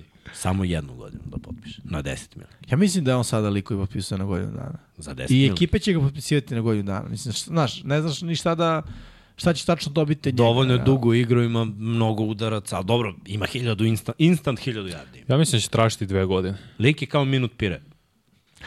Ali Miksa, moraš da mu daš loptu. On je home run, da. Daćemo, runner. daćemo. Moram, mislim, ne, do, ne daješ mu pare da mu ne bi dao loptu. Stvarno Dallas ima apsolutno smisla. Dallas, Treba im jedan ubica i s njim bi imali igru po zemlji. Jeste. Bilo bi sve mnogo lakše. Play action bi proradio. Pa kao bi bio čoveče. Vidjet ćemo gde će se Kwon Barkley isto ići. Miš da ide? Pa ide, pa slobodno nageć. A neke pare da mu daju to. Pa nisu teli prošle godine, što bi sad. Pa da, realno. Zovu Denija Dimesa. Kao, Denija, šta viš Sad, da nam vratiš? milku? Neki milion. Ja bih volio u Chargersa da vidim Barkley, iskreno. Mada eto, i a u tom sistemu Grega Romana ima i smisla, Derrick Henry da, ima. gazi, brat. Kaže, da li će biti neki stream sa svemirskog ranča? Neće. Svašta imam nešto kao ideju. Pita, Srki priča o tome kao da je to za mesec dana. Da. Da. Kao imamo A, dosta ideja, sutra. vidjet ćemo, a... E, treba da pitaš Jimmy-a. Setiš. Da, da, da, veš. Offline. Ofa. Ajde da se catch-upujemo offline. Ali ne duže od 15 minuta. E, donesi majonez kad se već catch-upujemo. da, imamo komentar za Pro Bowl finalnu utakmicu. Dobro, finalni potez je bilo dobro je na kraju utakmice, zanimljivo do poslednjeg momenta. Možda je bilo malo korišćenje ruku poslednje akcije AFC-a, realno. Čime drugo da se igra. Pa ne, nemaš Flag. flag. flege, A da ne, brane flag, to je bilo. ne, da? nemaš Nisi pravo da ispratio. se uhvatiš za telo hvatača. Mislim da je to uradio Malo Jalen povučeš Johnson. za dres, pa skineš flag. Da, da. Dajte. A, glupost. Mislim, flag je sad, to je, Znam, ali Šta brate, ono, Stvarno- taj koji piše pravilo treba da proba skine flag prvo. Ne, ne, u punoj brzini, ne, ne, ne, a ne, ne ne, lutki. U, to je bilo pre nego što je dobio loptu. Kad je išao, kad je trčao rutu, Aha. se malo odbacio. To ali, zove futbol. ali to je, mislim da to nije legalno u flag futbolu. Ko, samo Nemaš, sudije nemaš tu je vrstu, legalno. pa, a, Bukvalno bukvalno. samo sudije znaju šta je. Mislim da nemaš tu vrstu Sudija kontakta. baci jeste, A sudija ne verovatno baci si u nije. pravu, samo negodujem. Eto, ništa drugo. Jimmy ne voli flag. E, Ne, ne, ja volim Stroud flag. je imao naš koje dodavanje. Ajmo sad svi nek ostanu u kadru koji vole flag. Ne, ne, ja volim flag. Ja volim flag da igram. Nisam ga gledao. Ono, E pa ovi Indians, jel se tako zovu? Mm Mhm. -hmm. Su imali sada, čini mi se da li je to bio predstavnik njihov klub ili predstavnik, nemam pojma, na TV-u, da li je bio RTS portal, nemam pojma šta, baš priča o flag futbolu i kako im je cilj da nisam bio to. olimpijski igra. Mislim da je bilo pre dva, tri dana, nemam pojma. Da. Pa iz- Pa izašlo dobro, na društvenim mrežama. Ja sa, sa Zekonjom u tome, mislim. I treba, mislim, to ko je i dalje u formi, ko igra, Da. treba da pojuri da ono, se odradi kvalifikacije i da se ode na olimpijske igre ako je moguće. Mi imamo pretalentovane momke ovde. Apsolutno. I ako gledamo naš skill, možemo da igramo s bilo kim u Evropi. Možemo da igramo Da, američki futbol, sam- ne flag. Znaš i sam da nije sve u ono, Quarterback. talentu ili ne talentu. Ne, kotrek u flagu je lagana priča. Brate, Samo ti kažem. Ne znam, je sprnja. Prelagana priča da budeš kotrek u flagu. Mi možemo da igramo quarterback u flagu. Verujem, ja sam bio na jednom turniru quarterback sa nula, nula, ravno nula, ono, ponavljanja pre toga. Bio hvatač i kao nemamo quarterbacka, pre par godina ja sam uzeo da igram i pobedili smo na tom turniru. Mislim, toliko je jednostavno. Ja Jedan znam se, ja kad bacam loptu, ispada Da. mi rame. Jimmy ti je pre Stafforda. da, Kako Sajdarom, Mahomi, bro. Da, Kad ga zavrne onako. da. Tad sam prvi put uživo video no look pass. Proti mene, brate. Mislim, pozdrav za momka. Ili, ili ovaj, ono, ima sposobnost da gleda levo, baci desno. Ili to bio slučajno. Ali kompletirao, brate. Ja rekao, druže, ja krenuo levo, lopta ode desno. Kako, brate? Šta se dešava? Je bilo, ostaje svako u svojoj zoni dok ne vidi loptu da krene. Što nije bio kratak pas, bio dugačak pas. Da. Nema pitanja. Da, više, Možemo? test Pa igrača. gledam, gledam da, hoće li biti pušten HTŠ na areni? Halftime show. Uh, reći ćemo da puste, da. Da, da, da, da realno. Mislim, dugo traje, pa verujem da hoće. Ma, pola sata je pauza, a koncert pauza. je sigurno 20. 20 Da. minuta, realno. 10 da nameste i da razmeste.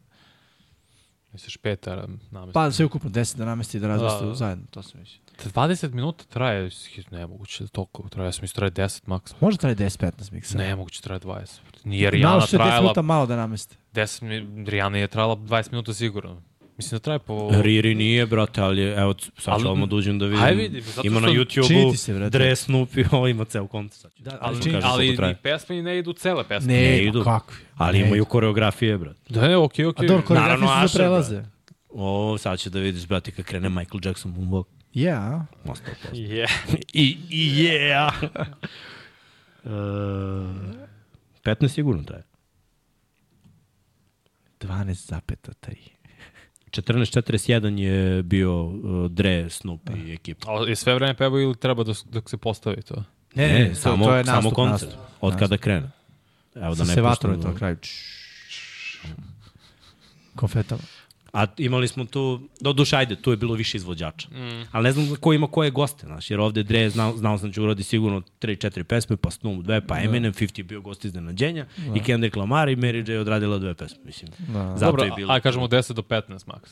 pa da, da, da, da. Da, da. da. Da, ba- 20 mi baš bilo onako puno. Sad. Mnogo. bilo bi da. To je skoro Mada da, koncert. da peva, zavisi ko, mislim, znaš.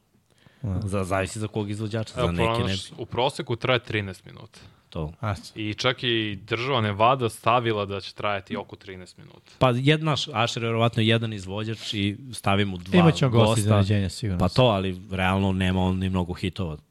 Da, da je... Ej, mi, Ajde, a misliš je. ono strofa, refren, strofa, refren, strofa, refren. Pa šta, I šta sad? A znaš što je malo problem, što su njegove pesme sve uglavnom o striptizetama. Ne znam da li ste to provali. Mada u Vegasu, Da, idealno ima scena. toga, da.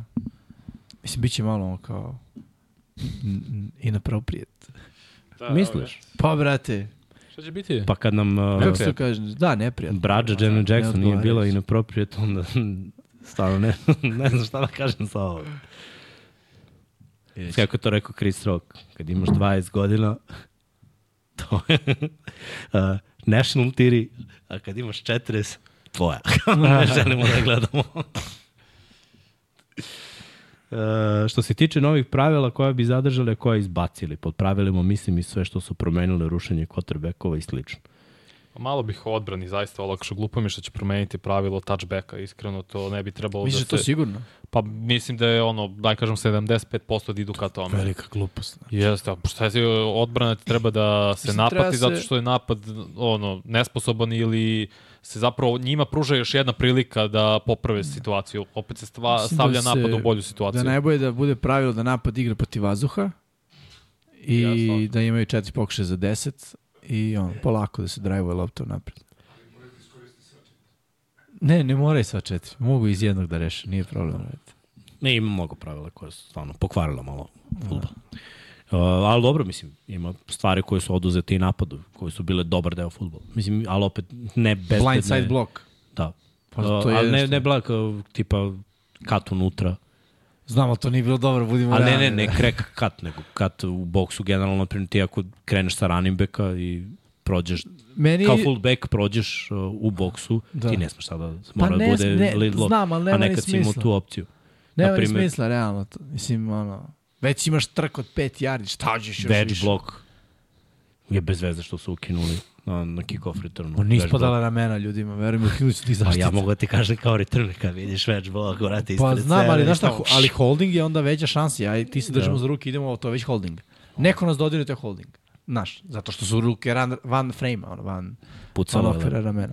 I ovaj, isto glupa stvar koja je ovaj, meni najglupa stvar koja je, koja je oduzeta ove godine što smo videli ove udarce defanzivnih bekova koji on, su pravovremeni i nisu nelegalni. Da. Nisu o, u glavu, nego su pravovremeno uh, tajmirani u grudi. Da, da. To je faul. A ofanzivni igrač se ni jedan nije povredio na tim udarcima. Jer to, to je udarac u kom si ti zapravo najbezbedniji. I to je nama puno, mislim, ti kao hvatač, ako se isključiš da toga više nema, postaneš previše lagan, ne, nema više onog, one neke strepnje toga da moraš da tempiraš u pravom trenutku, da hvataš loptu, da izgubiš taj moment, jer si previše bezbedan, nema više toga. Drugo je ono, mislim, ja sam stvarno protiv ubistava, gde safety ima priliku da igra na loptu, on odluči ono helmet to helmet, na, tipa na fejdu, na nekoj... Helmet to helmet ne. Pa, znaš, bespotrebno. Ali rame u grudi je okej. Rame u grudi mi je skroz okej. Okay. I da, ove godine smo videli 4-5 puta da je bilo Da, da, da. da. rame u grudi, 15 yardi kazne, ni za šta. I još i novčane kazne, za, za glupost. Pritom igrač ofanzivni ustane odme, nije mu ništa. Znaš ono, koga mi štitimo ovde? Ali zato je dozvoljeno da se sečemo po kolenima, mislim, i, i ljudi po godinu dana ne igraju posle. To je isto, ali to je bar dozvoljeno. Šta znam? Ja bih vratio futbol koji je bio kad sam počeo da ga gledam, tamo je bio najbolji futbol. Uh, Slažem se. sa ovim ofanzivnim zamislima i ovim uh, talentom igrača, kako se sve dešava i koliko su se igrači zapravo ubrzali i koliko je oprema napredovala. Da. Uh, shoulder padovi su 10 puta manji, laganiji. Lakši, uh, kada pogledamo isto ono pedove na nogama i sve to kacige, rukavice, koliko je sve to otišlo danas, rukavice lepe loptu, mislim. Znaš da mislim da ne postoje cutters više. Kao Da. Ono, neka ono debela rukavica sa... Ko to nosi, brate? Ovo danas... možda, možda lepi šta hoćeš ovim danas. Niješ nosio za receiver jer je bilo bolji hvat. Da. Holding, evo ga. Sve.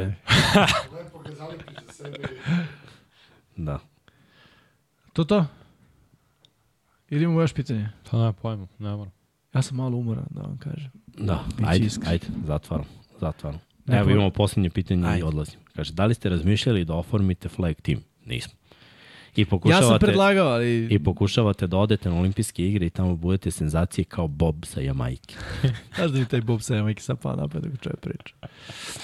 Nema, ljudi, da se razumemo. Uh, možda možemo da volimo ili da ne volimo flag, ali kao i svaki sport, pričamo o tome da uh, zahteva veliku pripremu. Uh, plan, program, uh, koordinatore u smislu ideju, ofanzivnu, defanzivnu. Posvećenost. Posvećenost, tako je. Iskustvo turnira. Mislim, ono, ajde budimo realni, na toj olimpijadi će biti NFL igrači koji će nastupati za Ameriku, za Kanadu, ko su, koji su Kanadjani. Brate, u tom momentu Terry Hill će imati 33 godine. Lagano. Znaš da nećeš igra. E, brate, Terry Hills 33 godine bolji nego ja sa 20. Ajde ovako da kažemo, znači, ajde i da samo za, kažemo koliko ima hvatača u NFL-u koji mu, znači ne mora to da bude Tyreek Hill. Možda nije bude kao- Quez Watkins bi nas pržio ovde sve. Brate, Quez, voli- ono za Kijas, brate, bi nas pobacao, brate, razumeš? A jest. Sa sve ovim, kako se zove, Nathan Peterman. Petermanom na poziciji quarterbacka. Polomio bi nas. Polomili bi nas, brate. Da bi novog drugi put. Znaš, a zaboravljamo Mahomesa, zaboravljamo kompaniju, brate, šta, pa mislim. Svi hoće da igraju, brate. Brate, oni kao mali rastu na priču olimpijada. On, najvažnija stvar na, kao sportisti, brate. I Budite- kao igraš sport gde toga nema. E, sad ga ima, brate. Da. Je hoćeš. I još je prvi za njih. Da. Da, još i, prvi, i kod njih, u LA. I doživotna penzija. Znaš, kažeš da Pa to njima, bre, da, na, na 100 milijarda. To za Kija na pola, znači, bre. Ni za njega, veruj. mi, Šta? Ne, brate. Verujem mi samo proslediš to Terry Hill na jedno od ovih njegovih NFL 50 penziju, dece. Da. Već. Znači. Znači. Rick Hill se tako raširio, a? Jest, Nisam to znao. po Ma do, jedno dete s jednom, drugo, drugo s drugom, drugom, treće, treće s trećom i tako dalje. Tri žene, tri deteta. Ma šta Pa da. tri, to tri mi znamo. Ko zna, bre. Burazer. Kao Antonio Cromartie. Kao. Gepard osvaja nove teritorije i sve ženke su njegove. Aj, aj, sve. Tako to ide. Ovaj. Uh, Ti nema šanse protiv tima Amerike, ja su ukratko. Ne samo tim Amerike, brate. protiv mnogih A timova. jest. ne, znaš, Brate, i- Meksiko, znaš, dame što se tiče flag futbala, najbolje su iz Meksika. Najbolja ova što igra, što je sad na Super Bowl, što se slikla svima, ona igra za Meksiko. brate. Da. Šta pričam? Ne, gledaj. Pritom, ajde da kažemo samo još jednu to je bila stvar druga u svet, na koja je vrlo prvenstvu. bitna. Znači, u LA je to pokazni sport. Odnosno, prvi put, je tako? Da. Kad si igrao 3 na 3 basket, koliko je ekipa bilo? Pričali smo tamo. Osam. Osam. Tako je. Šta mislite koliko će biti na flagu? Vrlo vjerojatno Osam. isto, da. Ajde kažemo da je to Amerika, da je to Meksiko, da je to Kanada, tako? Francuska. To su tri već. A i dalje smo na severnoameričkom kontinentu. Južnoamerički. Šta ćemo s tim? Pa i Brazil, Brazil. ja mislim, jedna. Ok, to su četiri. Znači, Tako za je. ostatak sveta ostaje šest. Ne, ostaje šest, Biće. ostaje četiri. Ostaje četiri, bravo. Sam ja zamislio deset. Ja sam kao krenuo da otram prste, znaš. Onda vidim ovo imam pet i kao jedan. Hoću da kažem, Set. iz Evrope, tri plafon. Ma kakvi tri, d- dve? Te, Pla, pazi, Brate, bit će Australije jer datle dolaze sve više NFL igrača, Majlate i projektom a, iz nema da Australije. znači, znaš. Japan, Mislim, verovatno, oni su generalno dobri. Kina sumnjam. Ma bit će brda Kina su, turnira. ali hoću kažem, iz Evrope će doći dva do tri Imamo, predstavnika. imamo mnogo turnira koji će se odigrati tu. Iskustvo je tu važno isto da vidiš, Da, da, da. Znaš, da sazreš, naučiš i ti bodovi, ko zna kako će to biti bazirano na kvalifikacije. Mislim da Neće će napraviti morati- svetsko prvenstvo, nego će biti turniri Pa po da. principu 3x3. Isto. Da. Challenge turniri, osvajaš, kvalifikuješ Moguće. se i ideš dalje. Kao tenis, na primjer. Da, Tako? totalno, tu isto ima neka priča za olimpijadu. Da, možda ja grešim, možda neće biti makar po kontinentu jedna država. Možda i ne bude toga. To je u većini sportova tako da moraš da imaš određen broj pa država ne, po sigurno neće kontinentu. biti Amerika i sedam ekipa iz Evrope. Evo. Srđan prevodi Čile kao selektor. Pa vidi, mislim, viđali smo i luđe stvari. Tako da, ono. Šta ti iskustvo? Pa ja sam host jednog podcasta o američkom futbolu. Kupljen. Koliko para treba? Amigo, Plaćamo u govedima. Ili rude, šta, šta ima više. Znaš, ko je tamo meso, izvor proteina uvek bolje. Da. Brate, na ranču tamo imamo. Da. da, što se ranč zove? Ranč, Uvodimo, uvozimo go. ranč, č, č, č, čile. Agnos nam je ispred. Da. Eto ti. Dobro, koji se zove Boleča A bože. Teča, Boleć, Ranč, č, č, č. Kako i zašto smo došli do toga, nikad mi neće biti jasno. Mislim, ima logike, definitivno. Sva, u sve ima logiku. Iz nekog petog ugla, vrte. Sve ima logiku. da. Da, Hoćemo da hoćemo. gasimo radnje. Gasi Motamo radnju, gasi radnju, to je to. Uh, ljudi, nadam se da ste uživali. Nadam se da ovaj, očekujete Super Bowl kao i mi. Uh, nemojte ovaj, shvatiti ovo kao da smo mi nakloni ka nekoj od ove dve ekipe, jer nismo. Uh, to što smo izabrali je, kažem, uglavnom Osnovno bazirano na, na osnovu da, analizi Patrika Mahomesa, ali o, otvoren je Super Bowl, svako može da pobedi. Mislim da će biti jako dobra utakmica za razliku od Vanje i, i Srkija sa rezultatskim prognozama. Ja mislim da će biti na jedan posed Isto. i, i mislim da će biti malo drugačije. I nadam se da ćete doći u naš novi prostor, evo kao što vidite još jednom da vas podsjetim, čekirajte, pratite ono što radimo i od 22 časa u nedelju posetite naš a, novi prostor, biće piće, biće zezanja, gledate Super Bowl, slušate Jimmya i mene i ovaj, Vrlo verovatno. evo, Vrlo da, verovatno. ako, Ne znam da ću biti sve vreme da ovo. to. Mož, mo- ja kažem, ako ne budem imao ovaj, obaveze neke druge, ako budem stigao, svratit ću bar malo da vas vidim i onda ovaj, bežim na, na arenu da, da, da se roka taj Super Bowl.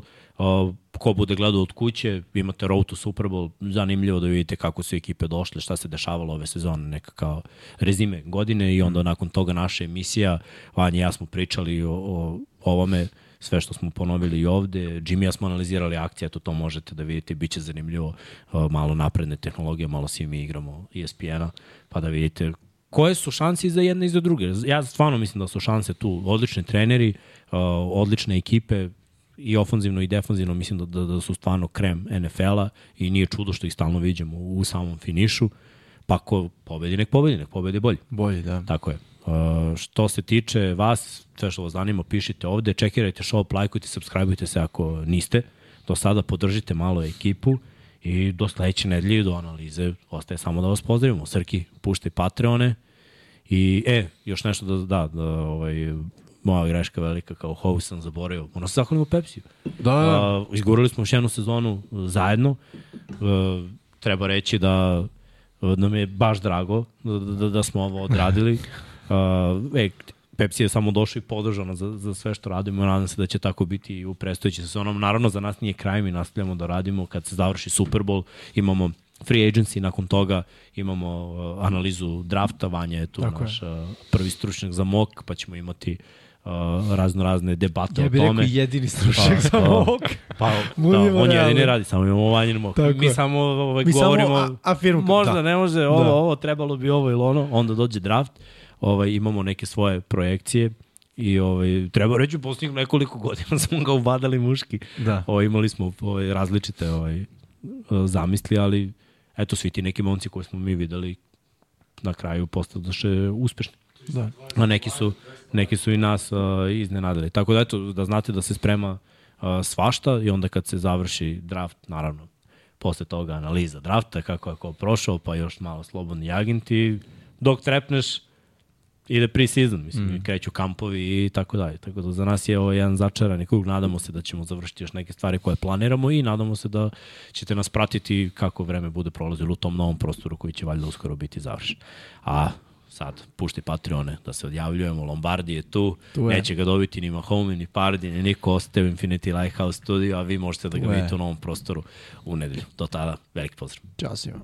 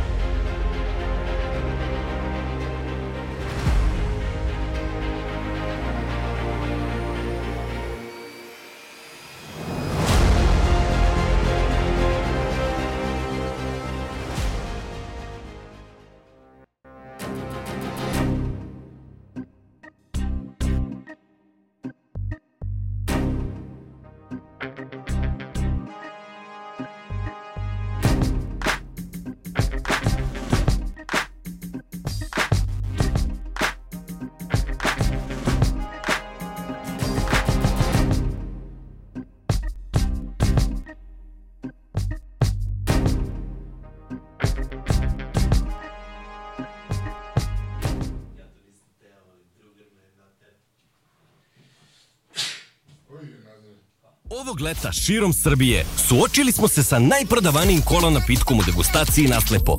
Više od 20.000 učesnika pridružilo se Pepsi izazovu. Pitali smo koji kola ukus vam se više dopada. 57% učesnika izabralo je Pepsi ukus. Hvala na učešću. Prati svoju